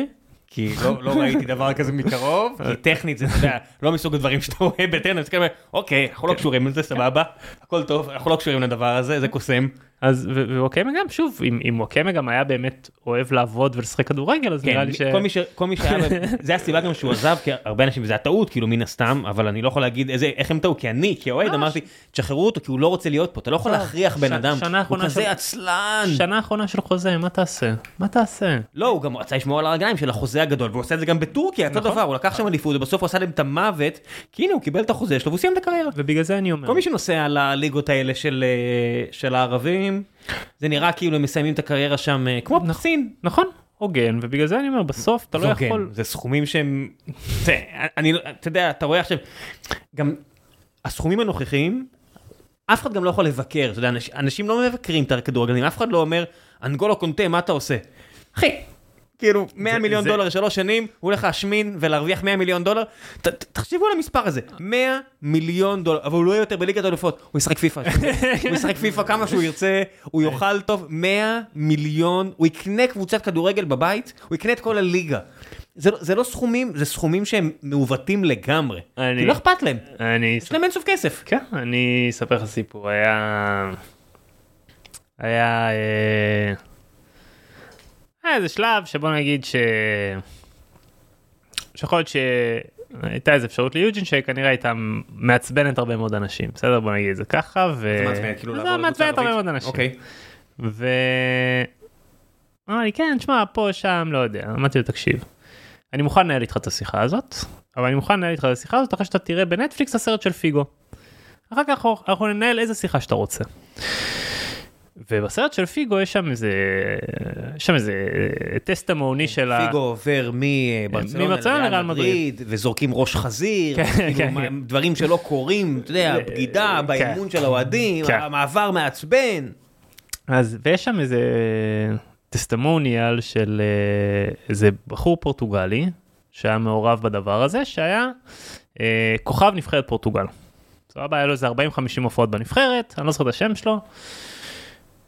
והוא מספר שם שהוא יש לו 50 הופעות בנבחרת פורטוגל ושלוש שנים אחרי שהוא פרש הוא אפילו לא יכול לקבל כרטיסים ללכת לראות את הנבחרת כי אף אחד לא. לא, לא, לא לא זוכר שהוא. קיים. כן, כי אף אחד לא זוכר אכפת, שהוא כן. קיים. ו... נגיד טורקיה, פיני בלילי אומר שהוא לא משנה אם הוא נוחת, אז אשתו מקבלת כרטיסים. אמת, אמת, כן. אמת, ואז אני אומר, אה, אה, בסוף, אחד הדברים שצריך להבין בהקשר של ה... בסוף ילדים האלה, שכל הכסף שהם צוברים עד גיל 33-45, זה כנראה, זה כנראה כל הכסף שהם יצברו, המשמעותי שהם יצברו כל החיים שלהם. אה, מעטים מהם אחר כך ימצאו את עצמם מרוויחים. עזוב אותם סכומים שהם הרוויחו, אלא 10% ממה שהם הרוויחו, בין אם הם הרוויחו מיליונים לפני זה, או בין אם הם הרוויחו אה, 40 אלף דולר לפני זה בחודש. אה, אין להם יכולת לשחזר את הכסף הזה, ומי מהם שלא עבד איתו נכון וגרם לכסף הזה לייצר כסף אה, 50, 60, 70 שנה קדימה, אז חמש שנים אחרי שהוא פורש, יפרוש רגל כמו, היה מחקר, אני חושב לפני עשור, 90% מהכדורגלנים פרשו רגל. לכו לנטפליקס, בנקראפט, ככה נקרא הסרט. בדיוק. זאת אומרת, לא כולם חכמים כמו עמרי כספי, כן, שקנה פה חצי נדל"ן, לא יודע, לא, לא, לא כן. רוצה להוציא אבל אה, יש כאילו, אתה יודע, אז באתי לאיזה פגישה באיזה קרן הון סיכון, אה, ב- פה, אחת הטובות, בסדר? והוא כאילו יוצא מהחדר, ואני נכנס, אז אני בא למשקיע, שאני מאוד מעריך אותו ואוהב אותו, מה, התחלת להשקיע בדנקים? לא, לא, עמרי כבר לא בקטע של כדורסל, עמרי כבר אה, אצלנו. בדיוק. בדיוק. בזמן הקריירה שלו, כן? אז זה בלי להכפיש, כאילו הבן אדם כאילו חכם פיננסית מאוד. אז זה. זה האחד ממאה. כאילו החמיש- החמישה ממאה סטטיסט. לא, יש כמה, יש 95. אינפלד שנכנס לעסקים, אני יודע, יש כל מיני ברמה הגבוהה. אז זה אנשים. כן, אתה רואה ב-NBA, במיוחד איפה שהוא היה, בגולדן סטייט, אז אתה רואה גרין וכל מיני חבר'ה ש... אבל זה מעטים, הרוב פושטים את הרגל. אה, הרוב קונים דברים מטומטמים. מעבר לזה, הפורמט של כדורגלנים קונים מכונות יוקרה, באמת, חד משמעית. זה חד זה אחד משמעית. הדברים, עזוב מכונות יוקרה, בין מכונות יוקרה, אתה יודע כמה תיקים של גוצ'י ופראדה יש לכדורגלנים אחי, אני הזוי. עכשיו, לי לי קשה עם זה כנראה, אני עדיין קצת באר שבעי, אבל כשאני רואה אותם עם ה purse, זה קצת כמו הזה של סיינפלד, שזה ה man purse הזה. אחי, כאילו, איפה, איפה, איפה, ה- מה, זה קצת ממש הרבה מטרוסקסואליות פה.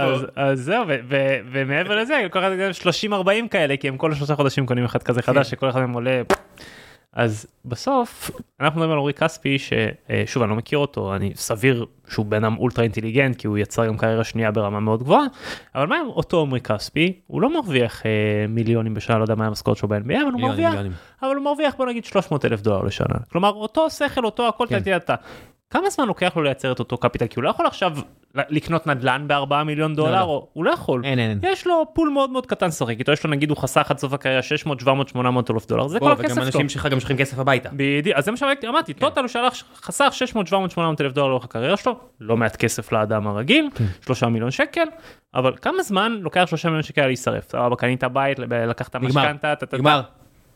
נגמר. יפה, בוא נגיד שאפילו מינפת וקנית נגמר. שלוש- ושלוש, בדיוק, נגמר. זה העולם האמיתי. יפה. נגמר. יפה, אז אה, ועכשיו אתה צריך עם הכסף הזה לחיות עד גיל 100, כי זה התוחלת חיים היום. כן. אז אתה יודע, המון פעמים כדורגלנים, אה, אה, ואגב זה אחד התפקידים שלנו הרבה פעמים, אה, לקחת את הדוגמאות הקשות שכן, ש... אח שלי, אה, חמש שנים מהיום שאתה תסיים עם כדורגל, אף אחד לא יזכור שאתה קיים. אז מה, אז הבקעת איזה גול בחצי גמר גביע, שוב נחמד, חוויה מדהימה לכל החיים. זה לא מה שישלם לך את החשבונות וזה לא מה שישים את הבת שלך בקולג' עוד אה, 15 שנה.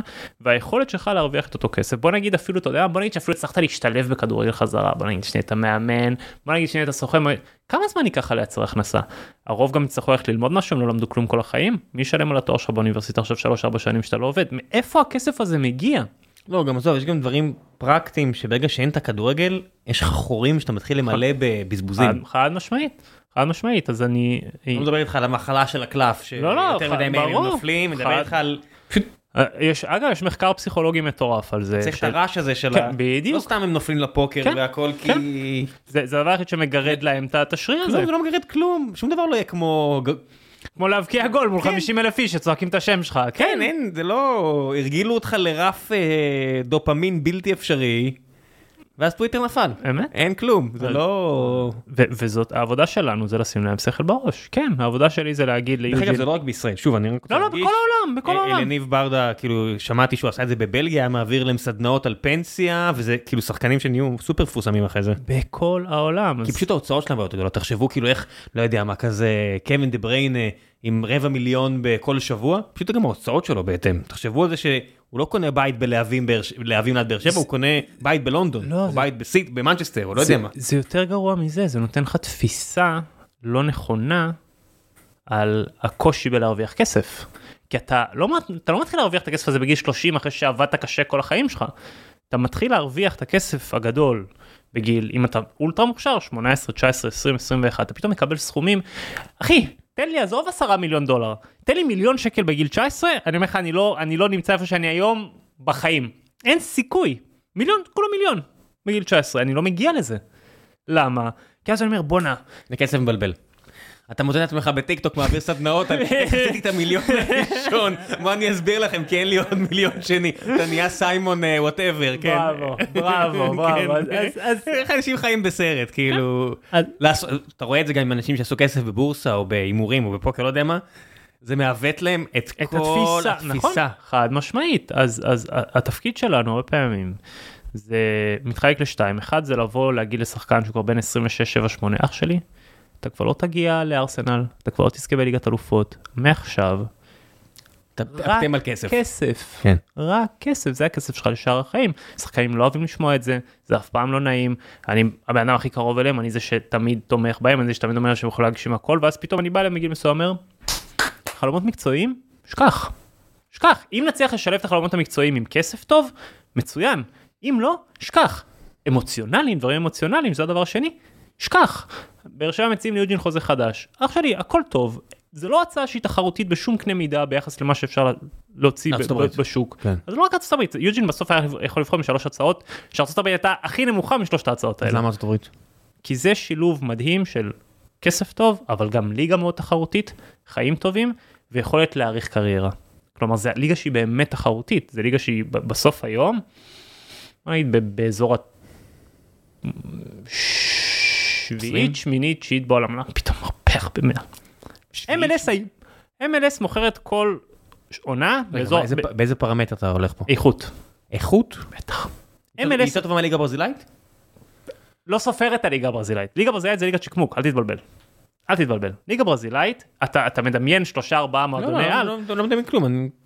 צ'יקמוק. כאילו מועדוני MLS יכולים בקלות לקנות אה, חצי מהטלנטים לא, אתה. מדבר על כסף? לא, כי כסף בסוף הוא כן אה, פרוקסי טוב לאיכות. לא, ממש לא. רגע, מי, מי זה השמונה יותר טובות?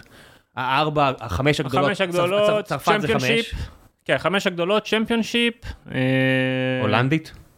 לא יותר טובה מ-MLS? הולנד, לא בטוח, לא בטוח, ממש לא בטוח, וואלה. ממש לא בטוח. כי ההולנד, בלגיה, טורקיה זה המדינות ש... ב- לא, א', בלגיה ליגה, ב- בלגיה ליגה באמת טובה, בלגיה אני משער שהיא גם בטופ 8. טורקיה לא יותר טובה מ-MLS? לא, אולי כן, כי יש לך באמת, יש לך באמת הרבה מועדוני על, יש לך 4-5 מועדונים חשמל. כן. אה, אווירה, קרבה עזוב לאירופה, אווירה, כסף. עזוב אווירה, עזוב אבל אווירה. אווירה גם קונה כסף. כן. בסוף שיש לך מועדון כמו פנרבכט שעם 15 מיליון אוהדים, 10 מיליון אוהדים, זה מתרגם לכסף, כסף מתרגם לאיכות. אתה הולך, למק... אתה הולך לאווירה שונה, אתה הולך לאינטרטיינמנט ואתה לא הולך יותר ל... שוב, זה מאוד תחרותי, אבל התחרותיות היא במסגרת קופסה מאוד ברורה. אין לרדת ליגה, זה כבר... אה, בדיוק, זה, זה מסגרת מאוד ברורה של בידור, כן. כאילו זה, זה אווירה מאוד שונה, ובסוף MLS מוכרת כל שנה אה, בשמונה עשרה שחקנים לטופ 5 ליגס. אין הרבה ליגות באירופה שעושות את זה. כאילו, ישראל מוכרת שחקן אחד בחמש שנים לטופ 5 ליגס, MLS מוכרת עשרה בשנה. זה, זה, זה ליגה שהשתנתה ושוק שהשתנה לחלוטין. אה, הוא מושך היום המון טאלנט, המון שחקנים צעירים, הם נהיו הגשר בין דרום אמריקה לבין אירופה, כי החוקים ב-MLS מאוד מעודדים רכישה של שחקנים צעירים. אה, אז היום המון המון סופר טאלנטים, ארגנטינאים, ברזילאים, אקוודורים, ונצואלים, מתחילים ב-MLS לפני שמגיעים לאירופה, כי ל-MLS יש יותר כסף מלמועדון. יש עניין של שפה, נגיד שבאפריקה אוהבים צרפתית, כאילו אוהבים, כאילו גדלים בסביבה צרפתית, אז כן בכל זאת מתעקשים איתך על בלגיה, צרפת וכאלה? סתם אה, כדי להרגיש, אתה יודע, לא זר מדי? אז. באפריקה בסוף בסוף בסוף, שזה מצחיק, אבל גם אם תגיד לשחקן גנאי נניח, שהיום אה, אין לו אוכל שהוא הולך לישראל, סבבה, הוא יהיה שמח. אבל הוא לא יתרגש. למה? למה? אתה צריך להסביר למה לא... לא. גם אם תגיד לו שהוא, אתה יודע מה, גם אם תגיד לו שהוא הולך. לבלגיה הוא לא יתרגש, וגם אם תגיד לו שהוא הולך לשוויץ הוא לא יתרגש. למה? כי בסוף אה, הם, יש להם אה, proximity to success מאוד גבוה. מה זאת אומרת? כשהם מסתובבים ברחוב באקרה, אז את מי הם רואים? הם רואים את מייקל אסיאן והם רואים את סטיבן אפיה והם רואים world star ים מטורפים ששיחקו ברמות הכי גבוהות במשך הרבה מאוד שנים משכורות מדהימות וזה המודלים שלהם. כלומר, הם מבחינתם להצליח זה לעשות פרמייר ליג, זה לא לעשות בלגיה. תשאל שחקנים ישראלים, מה מבחינתך להצליח? וואלה, אני אשמח אולי יום אחד להגיע לבלגיה, כן, שווייץ, כי פורטוגל, הם- זה כי צרפת. הם מבינים שהרמה באנגליה לא קשורה אליהם. אה, אה, לא? אה, אה, אז אני שחקן בליגה הישראלית לא יגיד פרמייר ליג כי זה בדיחה. חושב שלהפך, אני חושב שזה בסוף, בסוף, בסוף, אחד ה... אגב, זה לא אני, זה... לא לא בדיחה לא, לא, הליגה, כן, כן, בדיחה כן. שהם ישחקו בליגה. אז, אז אני אומר, אני חושב שבסוף, בסוף, בסוף זה... זה, זה לא אני חושב, כאילו זה, יש אה, אה, ספר מאוד מאוד מעניין שנקרא The Goldman Effect שמדבר בדיוק על הדבר הזה, שפרוקסימיטי to success מייצרת הצלחות. למה, ג'ודוק, למה ג'ודוקה ישראלי מסוגל לבוא ולהגיד, אני הולך להביא זהב באולימפיאדה, ואז גם באמת להביא. כי הייתה מישהי ב-92 שהביאה. אז יש. ילדים שמתחילים להתחרות, בדיוק, וככה זה. בדיוק, לא רק. לא רק, אתה רואה, תלך יודע, סטארט-אפים, אריק ורדי מכר את ICQ והופה, אגב, אלף סטארט-אפים. אז באמת אני שואל, אנחנו, באמת באמת באמת מאמינים שישראלים יותר חכמים מכל מדינה אחרת בעולם, אז רק פה גדלים כזאת כמות של סטארט-אפים. לא, אין טענה כזאת. לא, יש טענה כזאת. זה כאילו, בסדר, זה- אין מה להתייחס לזה אפילו ברצינות. אז זה מה שההבדל הוא שזה, בדיוק proximity success, כי אתה יכול פתאום לפגוש את הבן, או לראות את הבן אדם הזה ברחוב, להחליף איתו חמש מילים, להגיד אוקיי אני מבין, הוא טוב, הוא חכם, הוא מוצלח, אבל אתה יודע מה? הוא לא כל כך טוב, חכם ומוצלח כמו לא, שדמיינתי זה אותו. אפילו לא שאלה. אומרת, י- י- אני... היום פגשתי, במקרה, אין לי בעיה להגיד, את הבן אדם שעשה את החברת סייבר הכי גדולה בעולם. בסדר? זה לא... כן. כי הוא עוד אחד, אתה יודע, הוא בטוח שהוא יז- הוא יזם על חלל, אבל יזם על החלל זה לא אה, גאון הדור, כן? בדיוק, אז אתה אומר, רגע, אני מכיר אותו עכשיו, ראיתי אותו, דיברתי איתו, אם הוא יכול לעשות את זה, אני יכול לעשות את זה. כדורגל זה אותו דבר. אה, כן, לא יודע אם עד כדי ככה, אבל כן, כן. אם היית פוגש אותו בגיל 13, אם היית לומד איתו בכיתה או בכיתה לידו, לא, לא, הכל טוב. אני אומר, הם- לא, הוא הוא בטוח חריף, אתה יודע. זה לא מה שאמרתי, לא, לא, אני לא לוקח ממנו שום דבר, אני כן, אומר שה proximity זה- זה לא- זה לא משהו שאתה לא מדמיין, כן. בדיוק, ה proximity success זה אם אתה אומר בואנה אני שיחקתי איתו בקבוצת נוער והוא עכשיו משחק ב- בצ'לסי או אני שיחקתי איתו שהוא חזר בגיל 30-35 לגאנה, כן. שיחקתי איתו כשהייתי בן 17 אני יודע מה הרמה שלו, אוקיי, הוא יותר טוב ממני, אבל אני יכול להגיע לשם. כן, זה, זה בטוח עוזר עכשיו נגיד שמנור משחק עם החבר'ה האלה והוא בן 24 כולה 23. איך פתאום כל הנבחרות שלנו מצליחות? איך פתאום אותה נבחרת מצליחה פעם אחרי פעם אחרי פעם אחרי פעם אחרי פעם, ואז זה גם... יש role models. שמאוד חשוב. מאמינים שאפשר לעשות את זה פתאום, שזה הבדל עצום. אגב, כן, תחשוב שבגיל 18 אומרים לך בוא למסיבה, לא, מחר יש לי אימון. אה, אה, שם זה, אתה יודע, רביבו אמר כל הזמן שאתה יודע, הוא היה מסרב ליציאות כי יש אימון למחרת וכל החבר'ה שלו זרקו את ה... הנה מליקסון כותב על זה בספר, הוא אפילו naming names, זה אומר יצחקי היה יותר כישרוני ממני והוא זרק, הוא זיין את הכישרון שלו, אה. במקום להגיע ל- לעשות דברים ענקיים בקריירה שלו. אז, אז אני אומר אפילו להפך, כי אם אתה מחר בבוקר תבוא תקבל איקס כסף לחברה שלך, שאותה חברה כמו שלך שיושבת בפורטוגל תבוא תגיד כן תביא לנו, כי אין להם היסטוריה מטורפת של הצלחות, אבל אתה רואה את כל האנשים סביבך ואתה אומר, מאוד מאוד עוזר. אתה אומר מה זה, אני 10 מיליון, זה מחר ב-100, מה אני כמוהו, אני רוצה גם... אבל זה בדיוק ככה, כן. אה, אה, אה, אה, זה ברור לי. זה גם מוביל לשטויות דרך אגב, אבל זה מה יש. באמת, אבל בספורט זה אותו כן. דבר, אותו בוא נעשה דבר. קצת שאלות מן הקהל שחיכו לך. אלי שואל מניסיונך, האם הבעיה של הליגה הישראלית היא מקצוענית או מנטלית? מקצועית או מנטלית, סליחה. של הכדורגל פה חד משמעית מקצועית, אין לנו שום בעיה מנטלית, מקצועית. מקצועית, אין, אין, יש פה אנשים מאוד קשוחים מנטלית. אנחנו... שלא- שלא- שלא תחשבו לרגע. חד משמעי, מה, אחי אנחנו מדינה שכל שנה אנשים רצים למקלטים כי טילים עפים פה באוויר ואיך שה... אני לא מדבר לא. על דברים האלה, אני אנשים כאילו, הם פשוט קשוחים גם. אז, אז אני אומר, את- אתה גר בתל אביב, עזוב את אתה עזוב את אתה גר בבאר שבע, עפים טילים, נגמרו הטילים, מה אתה עושה? יורד להמשיך את הדרינק שלך, עד הטילים הבאים, זה, זה לא, זה, אנשים פה עברו דברים, זה, אין לנו, אין לנו שום בעיה של מנטליות, הבעיה שלנו היא אך ורק מקצועית ובעיקר בעיקר בעיקר בפיתוח. זה, כן, אני רק אומר, תסתכלו כמה בבאר שבע משקיעים בקבוצות הנוער, לעומת כמה משקיעים בדברים אחרים. מועדון שיש לו כסף, פשוט לא מנתב את הכסף למקומות האלה. זה לא רק באר שבע, זה כל המקומות, לא, אני אומר, כן, זה ספציפית אני, שאי אפשר לחשוד בי שאני רוצה, כן. יודע, להגן עליהם, אני אומר, תסתכלו על זה.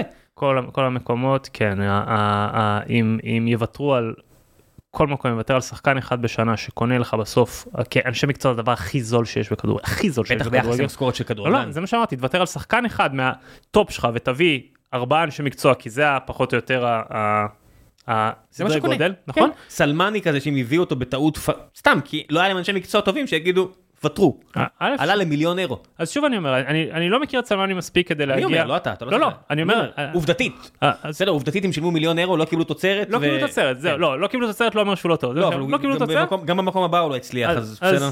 אז, בסוף אתה לוקח שחקן שעולה, עזוב אפילו שחקן שעולה מיליון יורו. אני אומר, אבל הוצאת. כן, קח שחקן שהבאת. בחינם ועלה לך 300 אלף יורו נטו בשנה, שזה כאילו העברה הרגילה נקרא לזה של מועדון כמו הפועל באר שבע. זה יחסית גבוה, אבל כן. לא, לא, כן. דור מיכה עלה 300 אלף, הנה עכשיו, ועכשיו זרקו אותו לכלבים. אז 300 אלף במיסוי ישראלי, 300 אלף דולר נטו במיסוי ישראלי. מיליון וחצי שקל. יפ- לא, מיליון אה, וחצי שקל. במיסוי ישראלי זה זה 2.5, 2 כן, משהו 2.5, כזה. כן. יפה, בשנה. יפה, אתה יודע כמה מרוויח עוזר מאמן בליגת העל? 120. שקל, כן? כן, כן, בוודאי. יפה, אתה יודע כמה עולה סקאוט או אנליסט? 80-90 אלף שקל בשנה.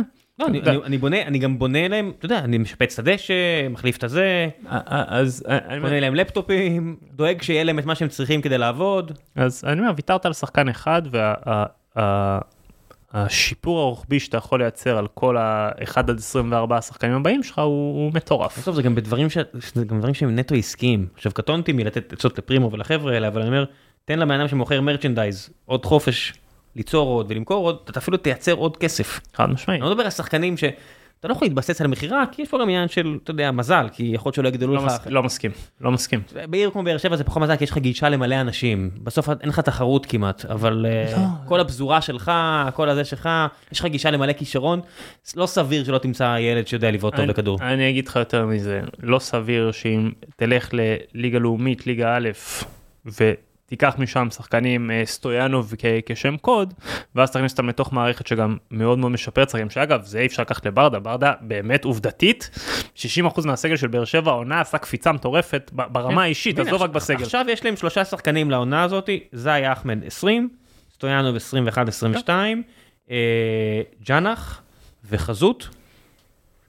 עזוב, הם- הם ו- שחקנים- הם שחקנים כישרוניים, אני- אני אני לא מבין, אני לא כמוך, אבל אני רואה שחקנים כישרוניים. אז- אז- אמיר אריאלי כזה, שעכשיו הם הוציאו אותו בהשאלה, אז- נראה שחקנים סבבה לגמרי. אז בגלל זה אני אומר שיש לך גם באמת מאמן שיודע לשפר שחקנים, עכשיו תבנה צוות שלם שזה מה שהוא עושה בוקר עד ערב. מה אני לא יודע אם זה הוא או אה, כאילו בוא נגיד הכוורת, אני לא יודע אם נגיד לא מליקסון עבד איתם, אני לא יודע מה קורה. לא משנה, צוות מקצועי, המערכת. כן, אני לא רוצה לתת קרדיט. ועדיין, ועדיין בסוף הם עושים את זה שוב, לא עם כלל האמצעים שעומדים לרשותם, כי בסוף יש פער תקציבי מסוים או, או ניתוב תקציבי מסוים כן. שתמיד ילך בצורות שהן לא מושלמות אני באמת אומר צוותים גדולים. אחי, אין הבדל בטאלנט פה מאשר במקומות אחרים אין הבדל אין הבדל בסוף אנחנו אה, אה, מרוקאים איראנים אה, אה, פורטוגזים ספרדים. יש לך כבר הזרקה של גנטיקה יש לך פה סרבים זה מה שאני אומר יש לך פה אתה יודע עם כל הכבוד יש לך שחקן ב-NBA שאבא שלו סרבי ויש לך עכשיו שחקן ב... זה רדבול זלצבורג שאבא שלו סרבי מה ההבדל? שאבא שלו רוסי לא יודע רוסי אוקראיני אני לא יודע. אבל יש פה מלא. כן אז אפשר לחשוב שאין מצרים חד, חד משמעית, בגלל זה אני אומר, אנחנו באנו בסוף מכל המקומות, כן. אותו טאלנט הגיע לפה. מוחמד סאלח, עד שהוא לא מוריד חולצה, הוא די נראה כמו אחד בשוק. כן. כאילו, אתה יודע, עם האפרו היהודי הזה, לא, לא סתם הוא, אתה יודע. חד משמעית, באמת, הוא נראה, הוא נראה כאילו גדל איתי בראש העין, אחי, הוא נראה בדיוק כמו חצי מהחברים שלי, זה לא... עד שהוא לא מוריד חולצה, ואז אתה רואה, זה לא רגיל. לא, זה... גם אצלנו בחבר'ה, גם אצלנו לא, בחבר'ה. נכון, ראיתי אותך, אתה משחק כדורעף חופים, אתם לא רואים, אתם שומעים רק את הקול שלו, אבל האיש חיה גם פה. אה, כן, לא, לא, אבל אתה רואה, הוא אתלט על. לא, כן, חד. משמעית, אבל בסוף, לא גם האתלטיקה, אבל המון המון המון כישרון. בוא נעשה עוד קצת אה, שאלות. אה, יש פה את השאלה הרגילה על אפריקאים. איך יודעים בין כמה באמת שחקן אפריקאי? אין, אין משהו שחוק יותר מאשר השאלה הזו, אבל יאללה. אז התשובה שתתחלק לשתיים. א', אני לא מתעסק בזה. מה שהוא אומר לך זה מה שאתה לוקח. אני מקבל פספורט, זה בסוף מה שאני רואה, זה הדרך היחידה שלי אה, למדוד את הדבר הזה, וב' לא, אתה יכול לבדוק. אתה לא. בוחר שלא. לא, אתה לא יכול. אתה לא יכול לבדוק. הבדיקה היחידה שיש לך היא תקפה אך ורק עד גיל 17 שזה הבדיקה של העצם כן, כן. שרק עד גיל 17 היא באמת אה, כי אז סיימת להתפתח ונגמר. בדיוק. וגם אז היא לא 100% כן? יכול להיות שבאמת יש ילדי 15 שפשוט גדל פיזית מאוד מאוד. גדולה אז יהיה לך עדיין איזה אחוז אה, מסוים שהוא אה, כן אבל זה לא זה יחסית מדויק. כן זה מה שרציתי להגיד. יחסית מדויק וב' אני אגיד את זה אחרת. לכאורה לכאורה לכאורה שמו לטו.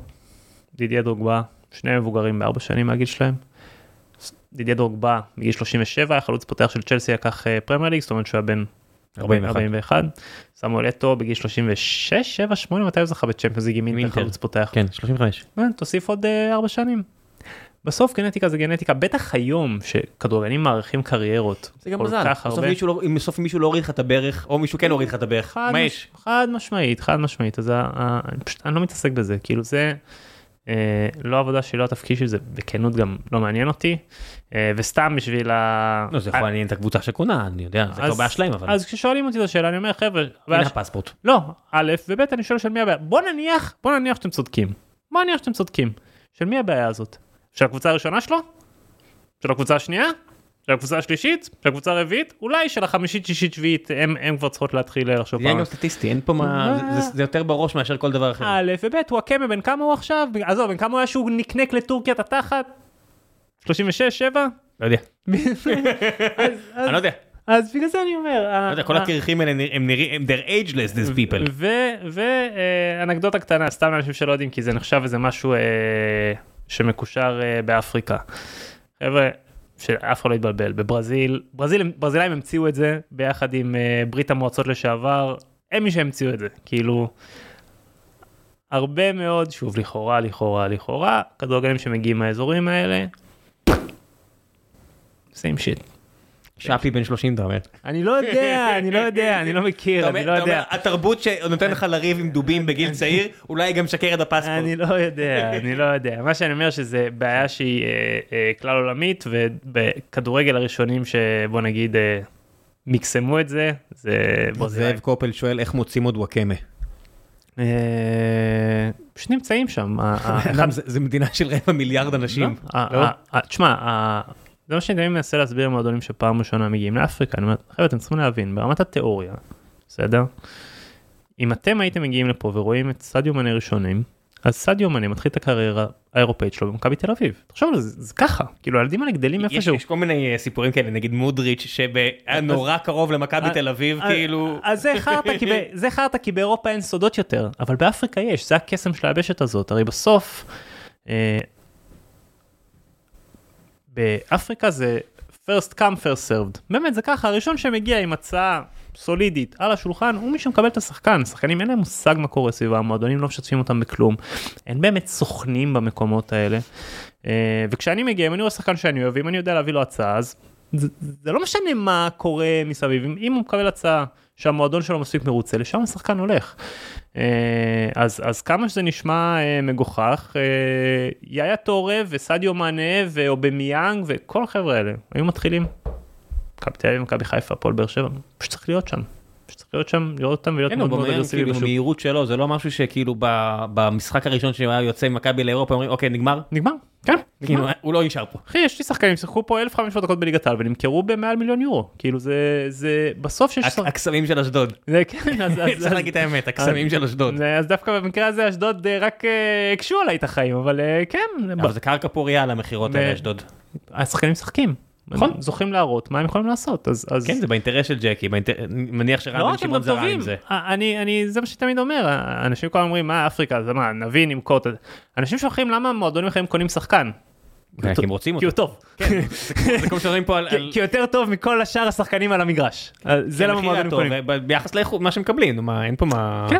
אף אחד לא מכריח אותך לקנות שחקן. ח- של כל העולם לחשוב עליו. חד משמעית, אז אם מועדון בא ומשטיח פה מיליון וחצי יורו על שחקן, וואלה, השחקן גם יותר טוב מהשאר. אנדרי שואל, מה דעתך על הגבלת זרים בליגת העל? האם לדעתך כדאי להסיר את ההגבלה? מלפני 20 שנה כבר, זה הדבר שהכי מאט פה פיתוח של כולם אגב, של... של ויוצר עיוותים זר- אה, שנותנים לכדורגלנים ישראלים להתעסק, אני אומר, לא אתה, בארנקים של לואי ויטון במקום בלשפר את הדריבל. אה, אז, אז אני אגיד את זה אפילו אחרת, אני חושב שזה יותר פוגע בהם מאשר שזה מועיל אמרתי, כי זה, זה, אתה- זה, אתה בגיל צעיר מדי, פה, כן, אתה- תוקע אתה- אותם פה. אתה- אין לך את האינסנטיב להשתפר, כי לא. חייבים לקחת אותך. אפילו לא בקטע כזה, גם, אין לך עם מי ללמוד. גם כשיש לך הזדמנויות, אתה לרוב לא יכול לממש אותם, כי אתה לא יכול, גם אם אתה מאוד רוצה, 99% מהליגות בעולם בלוקות לפניך, כי אף אחד לא ישלם את הסכומים המטורפים שדורשים פה. למה דורשים פה סכומים מטורפים? כי הנה, אם עכשיו מכבי חיפה מאבדת איזה אבו פאני כזה, קשה לה מאוד להחליף אותו. אתה יודע איפה זה קרה? ברוסיה. ששחקנים רוסים נהדרים, נתקעים שם, אה, כי האוליגרכים דחפו כסף. חד משמעית אז אני עד היום אומר תראו לי את הליגה הראשונה או היחידה בעולם היום היום שיש בה הגבלה על מספר של זרים והיא לא בצלילה מטורפת ב-15 שנה האחרונות ואני סותם את הפה ואני לא מדבר על הדבר הזה בחיים לעולם אין ליגה אחת ליגה אחת בעולם שיש בה הגבלת זרים שהלכה למעלה ולא למטה.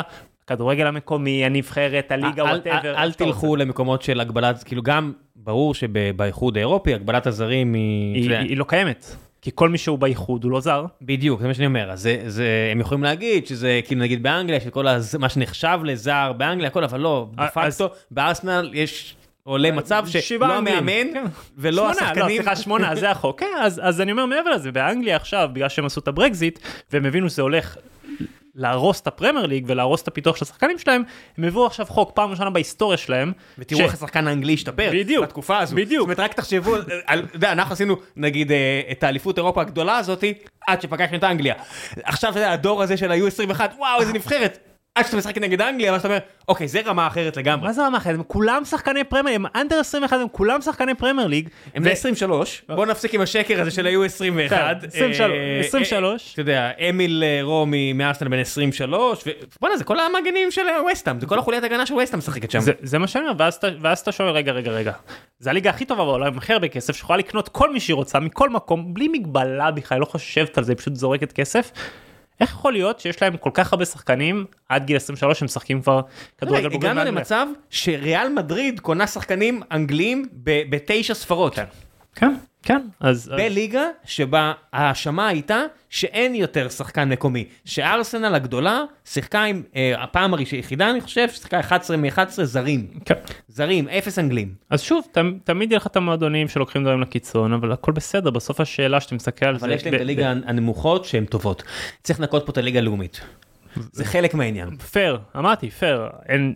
אי אפשר שהליגה הלאומית תהיה את כל החשדות סביבה, וזה אני- חייב ללכת ביחד. אני מסכים איתך, אני מסכים איתך, אבל הרבה דברים יקרו במקביל. ברגע שאתה מבטל את ההגבלה הזאת, אתה מבין ש overnight חתכת פה את כל התקציבים בחצי. למרות שהכסף נשאר אותו כסף, כל העלות נחתכה בחצי. למה? כי כל המשכורות מתחילות להתנרמל לשאר העולם. עכשיו מעבר לזה, שאני אומר שיש לנו בעיה לצאת מפה, זה בוא נגיד שאני עכשיו כדורגלן ישראלי מוכשר שרוצה לצאת לליגה שנייה בפורטוגל. עזוב את המשכורת שאני מוכן, אני הולך לשחק באלף יורו בחודש, אני רק רוצה, אני בן 19, אני רק רוצה להתפתח ולשחק ליגה שנייה בפורטוגל ולגדול ולעשות קריירה מדהימה. כמה אני עולה? אם אני מוכ... לא אומר לך אם אני top talent ישראלי, אם אני שחקן בסדר ישראלי, כמה אני עולה? חצי מיליון יורו? מי למה? ישלם את זה? מה? כי זה מה שהמועדונים ידרשו. מה הכוונה? זה מה שהמועדון שאני משחק בו היום, ידרוש אם אני? שחקן חצי מוכשר. כי זה השוק פה, כי אי אפשר, אין ישראלים בשוק. אז כל המחיר של הישראלים ביחס למחיר של המקבילים האירופאים שלהם, הוא באינפלציה לא נורמלית. כן, אני לא רוצה סתם להכפיש, אבל נגיד אה, מגן כמו אורדדיה שלא עשה את ההתפתחות שציפו ממנו, הנה, האריכו זה היום. אז- אז אז אני אין- מגנים ימניים. אז אני אומר, אני לא ב- לדבר על מגנים שמאליים. אז אני אומר, זה, אפילו עניין של שחקן כזה או שחקן אחר, זה בעיה שהיא היא רוחבית לחלוטין. כל שחקן ישראלי, הפוטנציאל השתכרות שלו בישראל הוא הרבה יותר גבוה מהפוטנציאל השתכרות שלו בחוץ, אלא אם כן הוא סופר טאלנט. ואז, ואני שוב חוזר, אנחנו רוצים לייצר פה כדורגלים טובים, אנחנו רוצים לייצר ליגה טובה, אנחנו רוצים לייצר נבחרת טובה, אז אתה צריך לא שה top top top טאלנטים שלך יצאו החוצה, הם יצאו anyway. אתה צריך שהדרג ב', דרג ג', דרג ד' יצאו כמה שיותר מוקדם, כי הם יוכלו לפתח קריירות טובות, כי אם יהיה לנו אה, עשרה שחקנים בשוויץ, עשרה בבלגיה, עשרה בפורטוגל, עשרה בהולנד, כי הם התחילו מאוד מאוד מלמטה, אז אנחנו ככדורגל, כ- כ- כנבחרת, כשחקנים שאחר כך חוזרים לפה ומביאים, עזוב איכות למגרש, ידע חזרה כאנשי מקצוע, ברדה, מאמן מדהים, איפה הוא למד? ברור שלא פה. ברור שלא פה, עשה שבע, ש- שש, שבע שנים בבלגיה, כן. קיבל ארגזים של ידע איתו, דברים שאתה לא יכול ללמוד. אז ה- לא כל מי שילך ילמד, אבל לא, לא, כל לא מי שיש- יודע. כל מי שיישאר פה, בדיוק, לא יהיה לו את הידע, בדיוק. מלבד באמת אה, חריגים כמו ברק. בכר, שהוא פרי כדורגל, כל היום לומד הוא באמת. אוהב את זה, נדיר, זאת אומרת, נכון. הרוב לא באמת אוהבים את זה כמוהו, הרוב לא חנונים.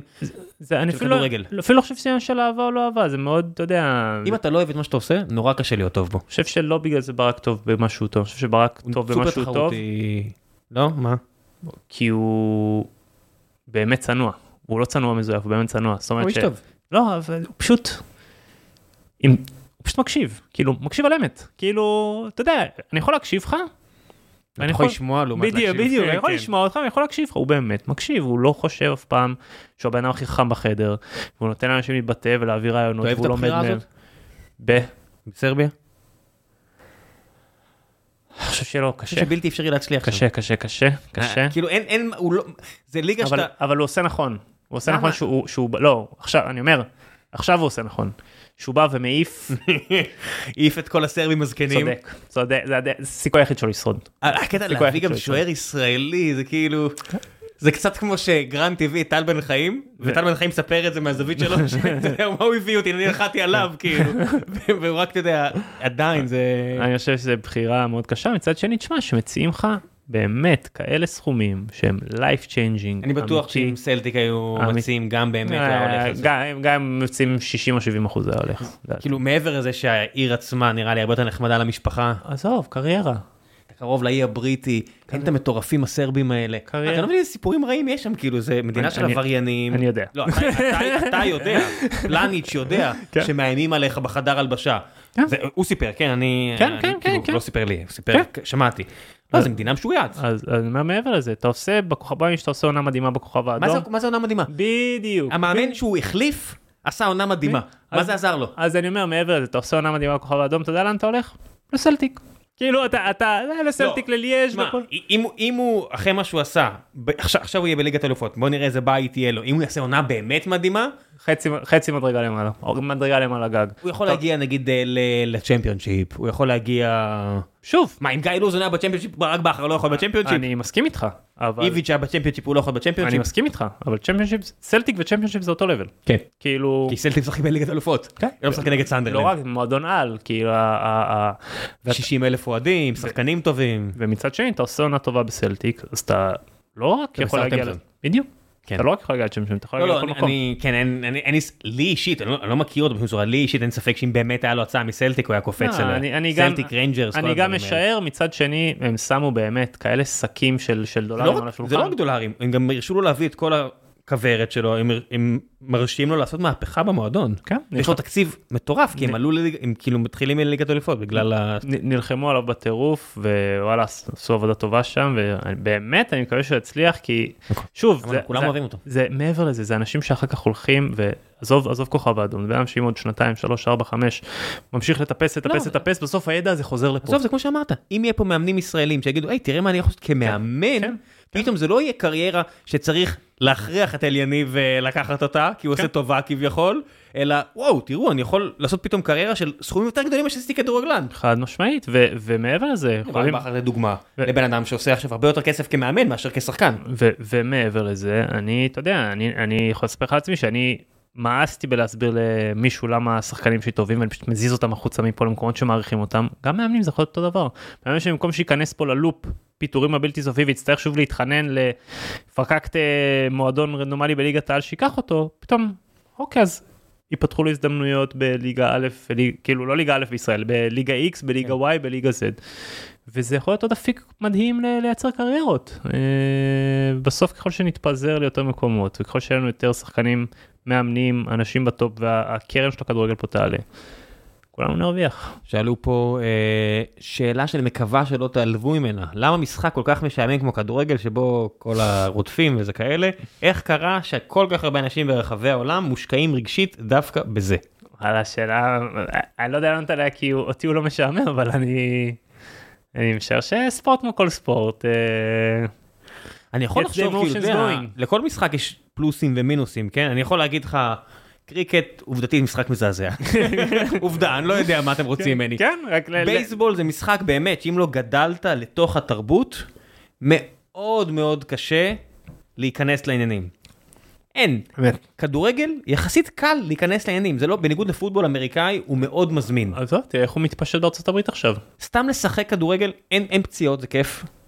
לא, אה, ביחס כן, לפוטבול, כן, כן, רגע, כן, רגע, כן, זה. משחק שיש מלא פציעות, לא, לא. אומר, ביחס לפוטבול אמריקאי, כן? חד משמעית לא קרוב. כן. לא, מה זה לא קרוב? זה לא קרוב, לא קרוב. עזוב לא קרוב להרבה סוגי ספורט. אה, זה כמו כדורסל, אני מניח. כן. אני חושב ששחקן כדורסל ושחקן כדורגל סובלים, אני מניח, מאותה כמות של פציעות. אמת. שזה לא מעט, כן? אתה יודע. אתה שומע בטיסטוטה שאומר שכל הגוף שלו. מפורק, אבל בוא, זה לא UFC. בסוף להיות ספורטאי מקצועי, כן בדיוק, בסוף להיות ספורטאי מקצועי, מקצועני זה לא בריא בשום צורה, באף ענף ספורט, אבל יש ענפי ספורט שהם יותר גרועים מאחרים, כדורגל הוא מהטובים שבהם בוא נגיד ככה, גם כדורסל.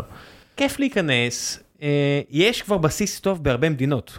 יש חיבור רגשי, כן. יש תרבות. תרבות זה דבר שהוא חזק, הוא תופס, יש היסטוריה.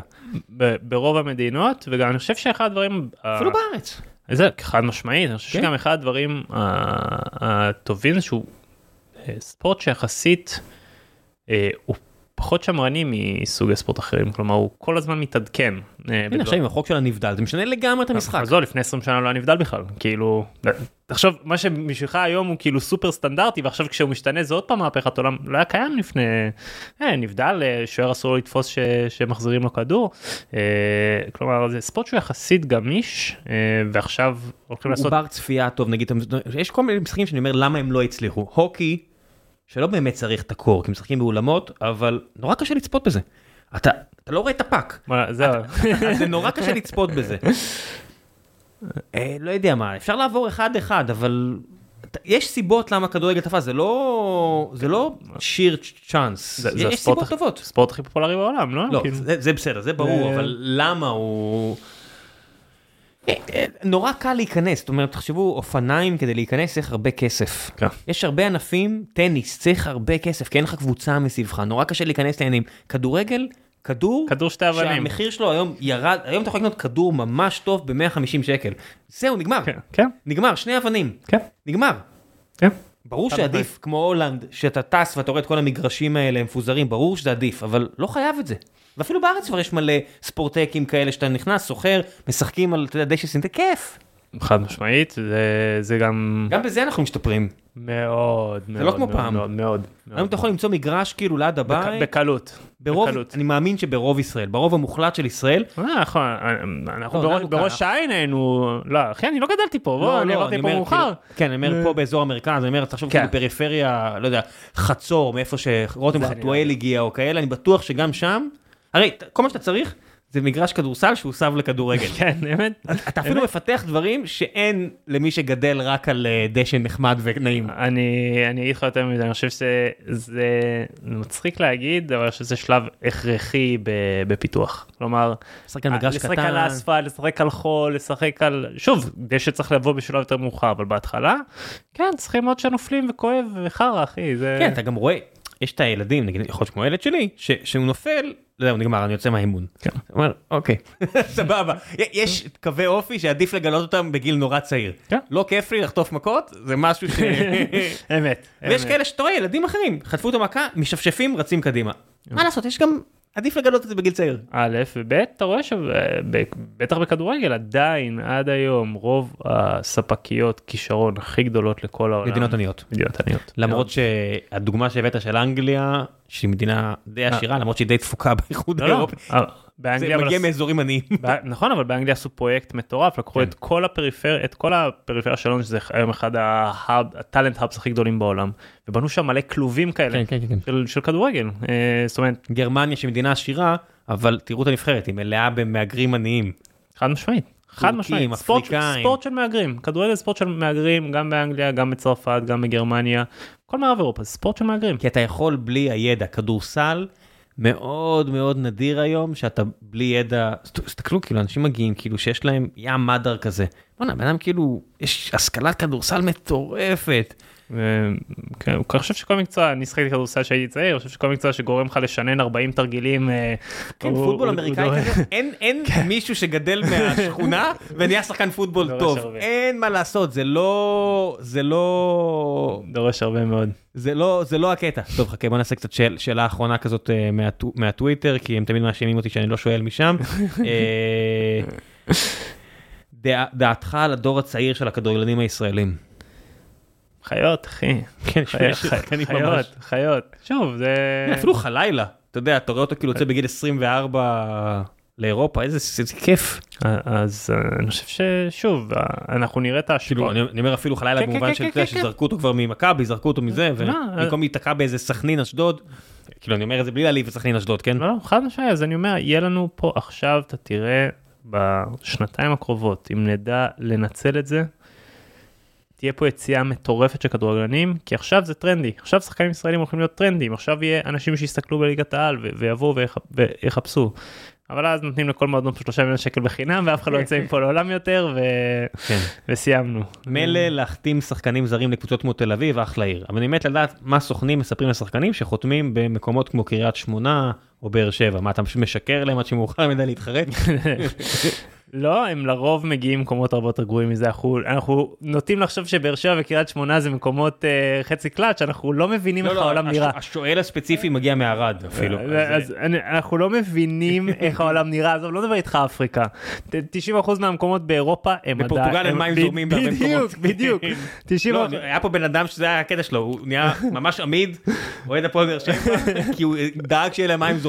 כן. בפורטוגל. כן, כן, כן, אז, אז ב, ב, שלא נדבר על אה, מדינות בלקן, על אה, מזרח אירופה, חבר'ה, אנחנו... אה, אנחנו סך, פה סך, שוע- סך כן. הכל רמת חיים פה היא די טובה גם בפריפריה, בטח ביחס ל... להרבה מקומות בעולם. אנשים פה שואלים, אתה מחפש עובדים, מוכן לממן בעצמי כרטיס טיסה לאפריקה.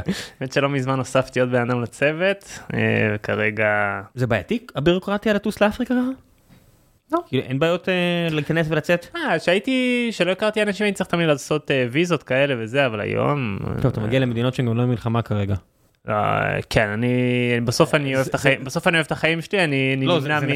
אתה יודע, אני נמנע מבורקינה פאסו וקונגו ומקומות כאלה. ניגריה, שיש הרבה שחקנים שמגיעים, יש מקומות בניגריה שהם במלחמה. כן, כן, כן, אבל מצד שני ניגריה זו מדינה כל כך גדולה שאתה יודע, זה יכול להיות אה, 20 שעות ממך, אבל... אה, אין יט. אה, כן, לא, אני, בגדול מתפקס, אפילו מעבר, אני מתפקס איפה שצברתי הרבה ידע, אה, ואיפה ש... איפה השחקנים האתיופים? איפה השחקנים מרואנדה? איפה השחקנים הסומלים? אה, איך זה יכול להיות הדבר הזה? יש כאילו חורים באפריקה, חורים לא כאילו, אה, לא- חור כאילו אני אומר אה, הול, שאני אומר, איך אין שחקן שהגיע מפה? איך אין שחקן שהגיע מהמרכז, הרפובליקה המרכז אפריקאי, שזה אזור כאילו בגודל של חצי אירופה. התשובה היא, זה לא יכול להיות, זאת התשובה. התשובה היא, אם אתה מסתכל על זה בצורה מתמטית, כן, זה לא, זה לא יכול להיות, נכון? מה קורה פה? בפשטות. למה אה, בישראל יוצאים 50% מהשחקנים שיכולים לצאת? שים את כל הבעיות של השוק בצד, למה? אף אחד לא מסתכל פה. אותה תשובה על 90% מאירופה, אם, אם מועדון עכשיו רוצה לטוס לאפריקה בשביל לראות, אז הוא מכיר חופשי נאב, הוא מכיר סנגל, הוא מכיר ניגריה, הוא מכיר גאנה, הוא מכיר קמרון, אז הוא יבחר אחד מאלה וילך. אבל אם אין אה, 20 כוכבים טנזנים באירופה, אז מי תעשה טנזניה? לא יודע אם זנזיבר נשמע לי טוב. אה, אני מסכים, כן. אני מסכים, אבל uh, בסוף, כן, זה נטו מתמטי. אני עכשיו הייתי עם אה, הפועל ירושלים, ב... בטורניר נוער בטנזניה. מה 16... זה אומר הייתי עם הפועל ירושלים בטורניר נוער בטנזניה? טסתי לטורניר ולקחתי אותם איתי, מה זה אומר? לעשות scouting. אה, את המנהל הטכני של הפועל אוקיי. ירושלים. לא את הילדים. לא, לא, לא, הם לא לא, השתתפו לא, לא, בטור- לא, לא, בטורניר... לא, אה, לא, לא, לא, אוקיי, אוקיי, אוקיי, את המנהל הטכני של הפועל ירושלים שהצטרף? אליי ל- לסקאוטינג. למה שהוא, כאילו, אני מבין אותו, למה הוא רוצה, למה אתה רוצה שהוא יבוא איתך?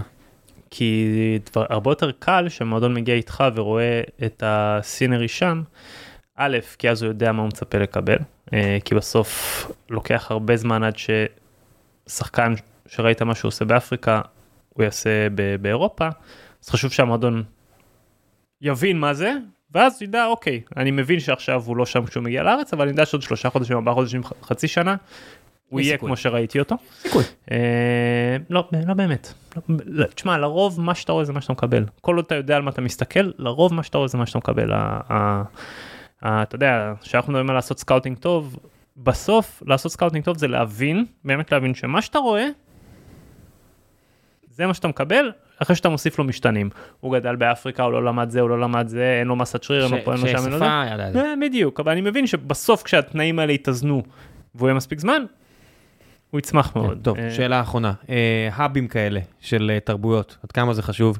נגיד עכשיו באר שבע מביאה שלושה רומנים, היה תקופה שהיה לנו שני ניגרים, שלושה ניגרים, עד כמה זה משנה להם? מאוד מאוד מאוד תלוי, כמו תמיד, במי הפרסונות. זה יכול להיות מדהים, זה יכול להיות הרסני. למה? אה, אה, כי אז הם מתבודדים והם בגטו קטן שלהם. יותר גרוע, יותר גרוע.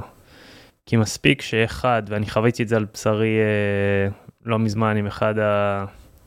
בוא נגיד עם אחד הטאלנטים הכי גדולים שלי, בלי להיכנס לשמות, שהיה עוד שחקן מאותה מדינה איתו בקבוצה, שהוא מנוסה, והוא כאילו שם גדול ובלה בלה בלה בלה בלה, הוא הבן אדם הכי רעיל והכי ממורמר והכי קונספירטיבי שאי פעם פגשתי. ואז שילד צעיר שומע מישהו שהוא איידול מבחינתו מדבר איתו, אז מה אה, הכניס לו לראש? יותר מדי זבל, מה? יותר מדי זבל. מה? מה הכניס לו לראש? אמ, אתה לא משחק כי המאמן לא אוהב שחורים אתה עכשיו יכול להיות שזה נכון כן אז- אני לא אומר יכול להיות שהוא צודק ב-100% מה שהוא אומר אבל ברגע שאתה נותן בן אדם תירוץ טוב. בדיוק אז נגמר אז אז הוא מבחינתו לא משנה מה הוא עושה זה מה שיקרה ו... המאמן לא אוהב שחורים. כן. שמע, 2023, אה זה זה זה אני זה עדיין אני קורה. לא אני- אני לא קונה את זה. אז אז זה עדיין אז הוא לא בוחר- אז הוא לא יבחר במקצוע הזה. אז זה עדיין קורה והרבה אבל אה, אתה יודע אני לא, אתה יודע, יש עדיין גזענות בארץ, בדיוק, שומע כאילו, אתה יודע, אני אומר לך, אומר אשקלון, באר שבע, כל מיני כאלה, סתם שמות שקופצים לראש, כן. אז באר שבע של פעם, כן, לא עכשיו. לא, לא, חד משמעית אז אני לא מדבר על אוהדים, כן, אני מדבר על לא, אנשי לא, מקצוע אנשים, ש- אנשים, ש- אחי. שמגיעים לך הקלטות שאתה אומר, וואו, איך אמרת את זה? כל- הכבוד, כאילו, איך אתה לא מפחד אה, שיקנצלו לך את התחת, אבל כן. אנשים של פעם, דבר של פעם, לא... אז בסוף בסוף בסוף אה, גם אם זה נכון זה לא רלוונטי כי תעשה הכי טוב שלך וזה מאש. בדיוק ב- אנחנו יכולים לשלוט מה שאנחנו יכולים לשלוט. יפה. טוב, הבטחתי ל... אם הוא נשאר פה עד, עד עכשיו איתנו, אה, חבר טוב שראיתי בדרך, מר שפר היקר, אסף שפר, אוהד מכבי חיפה, נראה לי שאתה צריך להביא לו עכשיו מגן שמאלי, לצערי. למה מה קרה מה פספסתי? אה, לפי פרסומים זרים, נראה לי שהמגן השמאלי שלהם אה, קרע רצועה. וואו מה קורנו כאילו? עכשיו במשחק אימון. אה, אשכרה. כן, אבל זה. נורא טרי והכל, אז אני מאחל לו שלא, כי זה נראה לי ממש מבאס. כן, אוקיי. אה, אבל אם כן, אז אתה צריך לעבוד. איך כן, לעבוד מה נעשה? אמרתי לו בדרך, חבל, הראל שלום בדיוק אה, נסגר. איך כן. לעבוד על זה? כן, זה אחד הדברים המסריחים, שאתה מוצא את עצמך שמח מפציעה של בן אדם אחר, זה לא, זה... אני לא חושב שאף אחד באמת שמח פשוט אה, אה, יש הבדל, יש לך את הקבוצות אה, וואטסאפ של אוהדים מהרבה קבוצות שכזה מישהו נפצע אוי לא רפואה שלמה ואז קבוצה רק של האוהדים של הקבוצה שלך וזה כזה השפעה אנושית באמת זה רמה ירודה כל כך מוסרית של יואו קרה רצועה מה זה לפחות חצי שנה בחוץ. איזה השפעה רמה הולכים לגיהנום. אוהדים אני מבין אני הייתי אוהד פעם אני מבין אין מה לעשות אחי כי אתה לא מבין שזה בני אדם באמת אגב זה לא אמרתי לך אשתי באה פעם אחת למשחק של הפועל באר שבע פעם אחת. היא יצאה במחצית אמרה אני לא רוצה שום חלק בזה. אמרתי אבל הילד בא. תעשה מה שאתה רוצה. הילד שלי הגיע למשחק מול הפועל ירושלים בטדי. מה הכל אווירה פסטורלית בפועל ירושלים יש תזמורת מדברים איתך בערבית מקריאים לך דברים אנחנו יושבים מאחורי איזה ארבע חבובות באר שבעים גיל מצרפי של ארבעה אנשים 500 הם רק עוברים בן אדם בן אדם מקללים אותו אני מסתובב ועושה להם מבט של אחי הוא בן ארבע סליחה כפרה סליחה אני מסתובב בן של סונה שתרמות אני לא מאמין צריך להרוג את האיש הזה הילד שלי מסתובב עושה די.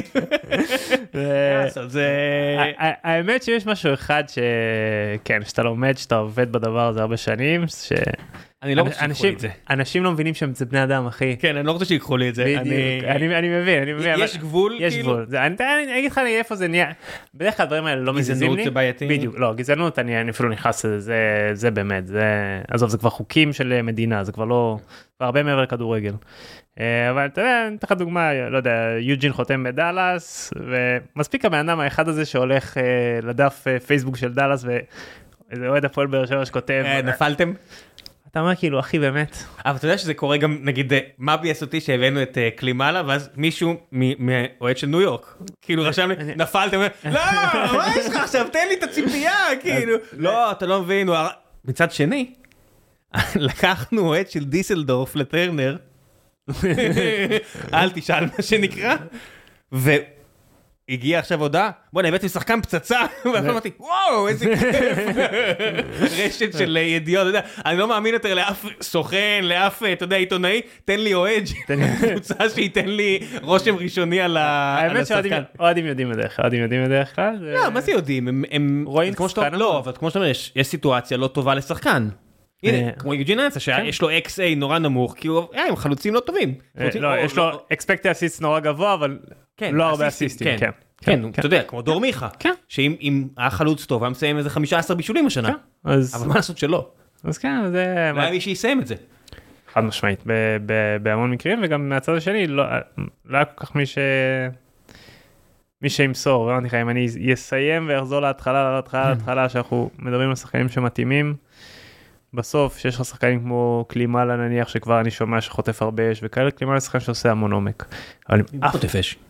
אה זה רק מאלה שבאים עכשיו להפיל את באר שבע, להפיל סגנית מכהנת. לא דווקא בקרב האוהדים אני חושב שדי לא. היה שם כמה גולים יפים, הוא גם בן 24, הוא מנסה, הוא נלחם, אז קלימאלה, פעם אחת הצדיע במו על יד, בסדר, כאילו, מה אני עכשיו, אני לא עכשיו, גדל בתרבות בעייתית בפולין, אני לא עכשיו הולך, בסדר, נפלט לו, אחד, מה אני עכשיו, אחד קטן, אחד קטן, הוא תיקן מיד, אתה יודע, בסדר, מה עכשיו. אז כן, קלימאלה, סלמאי, שחקנים שאתה יודע, אתה יכול לשים אותם שם, לרוץ עוד. חמש שנים, אבל בבאר שבע פשוט אף אחד לא אוהב למסור את הכדור, אתה יודע, הם יכולים להמשיך לרוץ. מיכה אוהב למסור את הכדור, בגלל זה אנחנו מעיפים אותו. אחד, כן. כן, אבל בגלל זה הוא לא יהיה, בגלל זה הוא יהיה בביתר. אחד, זה וואלה קשה, קשה להיות שם, קשה להיות שם חלוץ, באמת, מועדון שקשה מאוד להיות בחלוץ. היסטורית, אמרתי לך, אין מה... משהו קרה. לא יודע, הרבה שחקנים שלא אוהבים למסור. כן. זהו ונסיים בזה. מספיק כבר קיבלתי על הראש מאיזה כדורגלן שלכלכתי עליו אז הוא העביר לי הודעה דרך איזה מכר משותף הוא מאוד נעלב אמרתי אני לא רוצה להעליב אותו בסוף אתה יוצא שאני מעליב אנשים שבחצי מהגיל שלי אתה יודע איזה עליבות זאת כאילו אתה יודע וואי אחי אני מצטער אתה ילד טוב באמת אני לא מגיע לך. בסוף אתה יודע אני בן 40 אני מדבר סרה על ילדים בני 22 זה כאילו מגוחך. אבל א' זה בוא נגיד you don't do it for a living אבל אתה כן עושה את זה כאיזה משהו זה עבודה. זה לא עבודה. לא אמרתי you don't do it for a living אבל גם אם הייתי עושה את זה בתור זה אני לי אישית תמיד חשוב לתת את הסייג הזה של אני מבין שאני לא מבין אני רק בתור הדביל שאני מייצג. אוהד אחי אתה אוהד בדיוק אתה אוהד אחי. אוהב את המשחק. נכון אני מייצג אוהד שאוהב את המשחק. יש הרבה אוהדים ששונאים את המשחק מתייחסים לדבר הזה בתור הרואין שהם היו מתים להיגמל. אני אוהב את זה בגלל זה אני גם מגן על דברים שאני כבן אדם מוסרי במקומות אחרים, נגיד, אתה יודע, שיציע שלם צועק ל... אז זה- לדברים, מבחיל. אבל שיציע שלם צועק לאבו פאני מבחיל. משהו על אימא שלו, אני אגן על זה בחירוף נפש.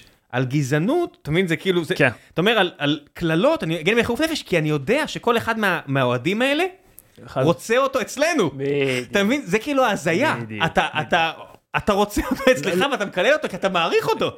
זה, מעוות, מה לעשות? אין בעיה, תקלל, באמת, תקלל כמה שאתה רוצה. אני מקלל כי אני מקנא. אז זה מה ש... אני חושב שבאמת הגבול עובר בגזענות, זה גבול שהוא... תשמע, אנחנו לא מבינים את זה באמת, כי לא... לא יודע, אני לפחות לא... סופגים בדיוק. אני- לא לא, אני לא חוויתי גזענות לא, בחיים שלי. אנחנו יהודים, אז אם היינו חיים בארצות הברית היינו יותר רגישים אולי. אני, מעניין אותי איך אה, תקשורת ואוהדים ישראלים מגיבים מהשחקן ישראלי שחוטף אה, קריאות אה, מוות ליהודים או יהודים לגז מיציע שלם מעניין אותי איזה חגיגה הייתה פה. לא, אה, יציע שלם כבר מזמן לא היה בארץ. אה, רגע, ביתר. רק ביתר. מה היה? מה אתה מצביע? מה נעשה עכשיו בחגיגה שם? של מה זה? לא יודע אם יציע שלם 100 איש אחי. איזה מאה איש? מה פתאום? מה, בטרנר? כן. עזוב, אני לא- אני לא- מוכן. זה- כמה אנשים, זה בנצי, לא סתם, אבל זה- כמה אנשים ספציפיים, זה לא מאה אנשים. לא יודע, הת- התמונות לא נראות טוב, לא הייתי לא במשחק, כן, התמונות לא נראות טוב. אתה- אתה רואה חמישה, אה. שישה אנשים טמבלים. אה, כן, זה- אתה יודע, זה אבו פאני בנבחרת, זה בואנה, זה דברים קשוחים לא, מאוד, זה- זה באמת, כן. אה, נכון. הם באמת, הם לא סבירים בשום צורה. זה אמרתי לך, אני גם אומר, אתה בא למגרש, תעשה מה- מה שאתה רוצה, אבל אה, אוהדים ששולחים דברים לאנשים, הודעות קשות מאוד. בפרטי, בפרטי באינסטגרם, ראיתי עכשיו אחד עם. דנילו, דנילו בביתר, אמרתי, מה אתה.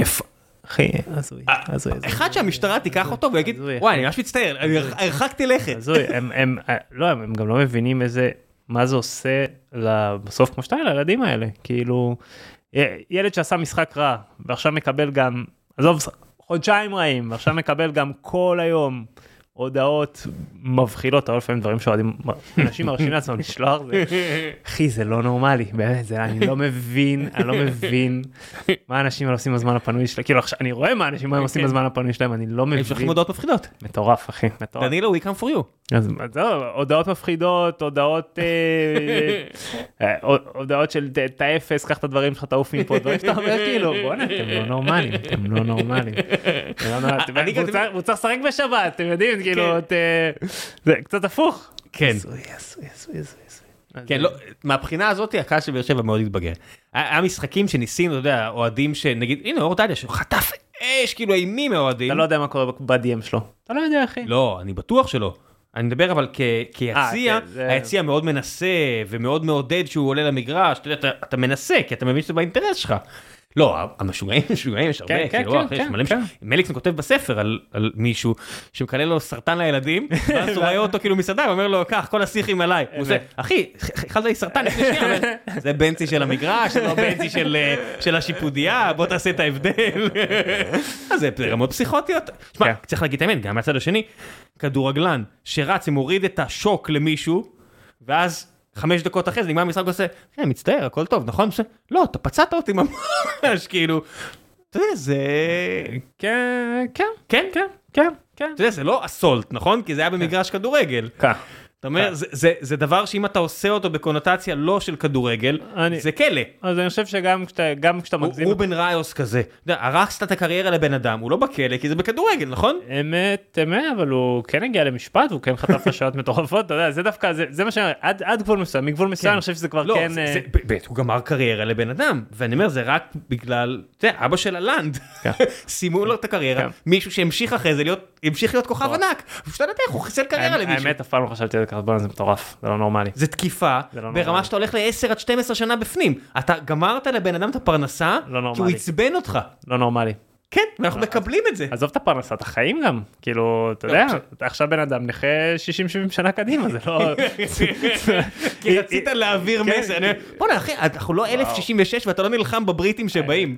תירגע. אירי משוגע, תירגע. האמת, טפו טפו טפו לא חוויתי את זה עד היום עם אף אחד מהשחקנים שלי, אז אף פעם לא, התובנה הזאת אף פעם לא חלחלה לי לראש, אבל כן, בוא'נה, אם... כן, זה מה שתמיד אמרתי, נגיד, שאמרו על ג'ון נוגו שהוא אלים בארץ, ואני אומר, אומר, חבר'ה, הוא פשוט אגרסיבי וזה ליגה רכה. שימו לב שהוא לא פצע.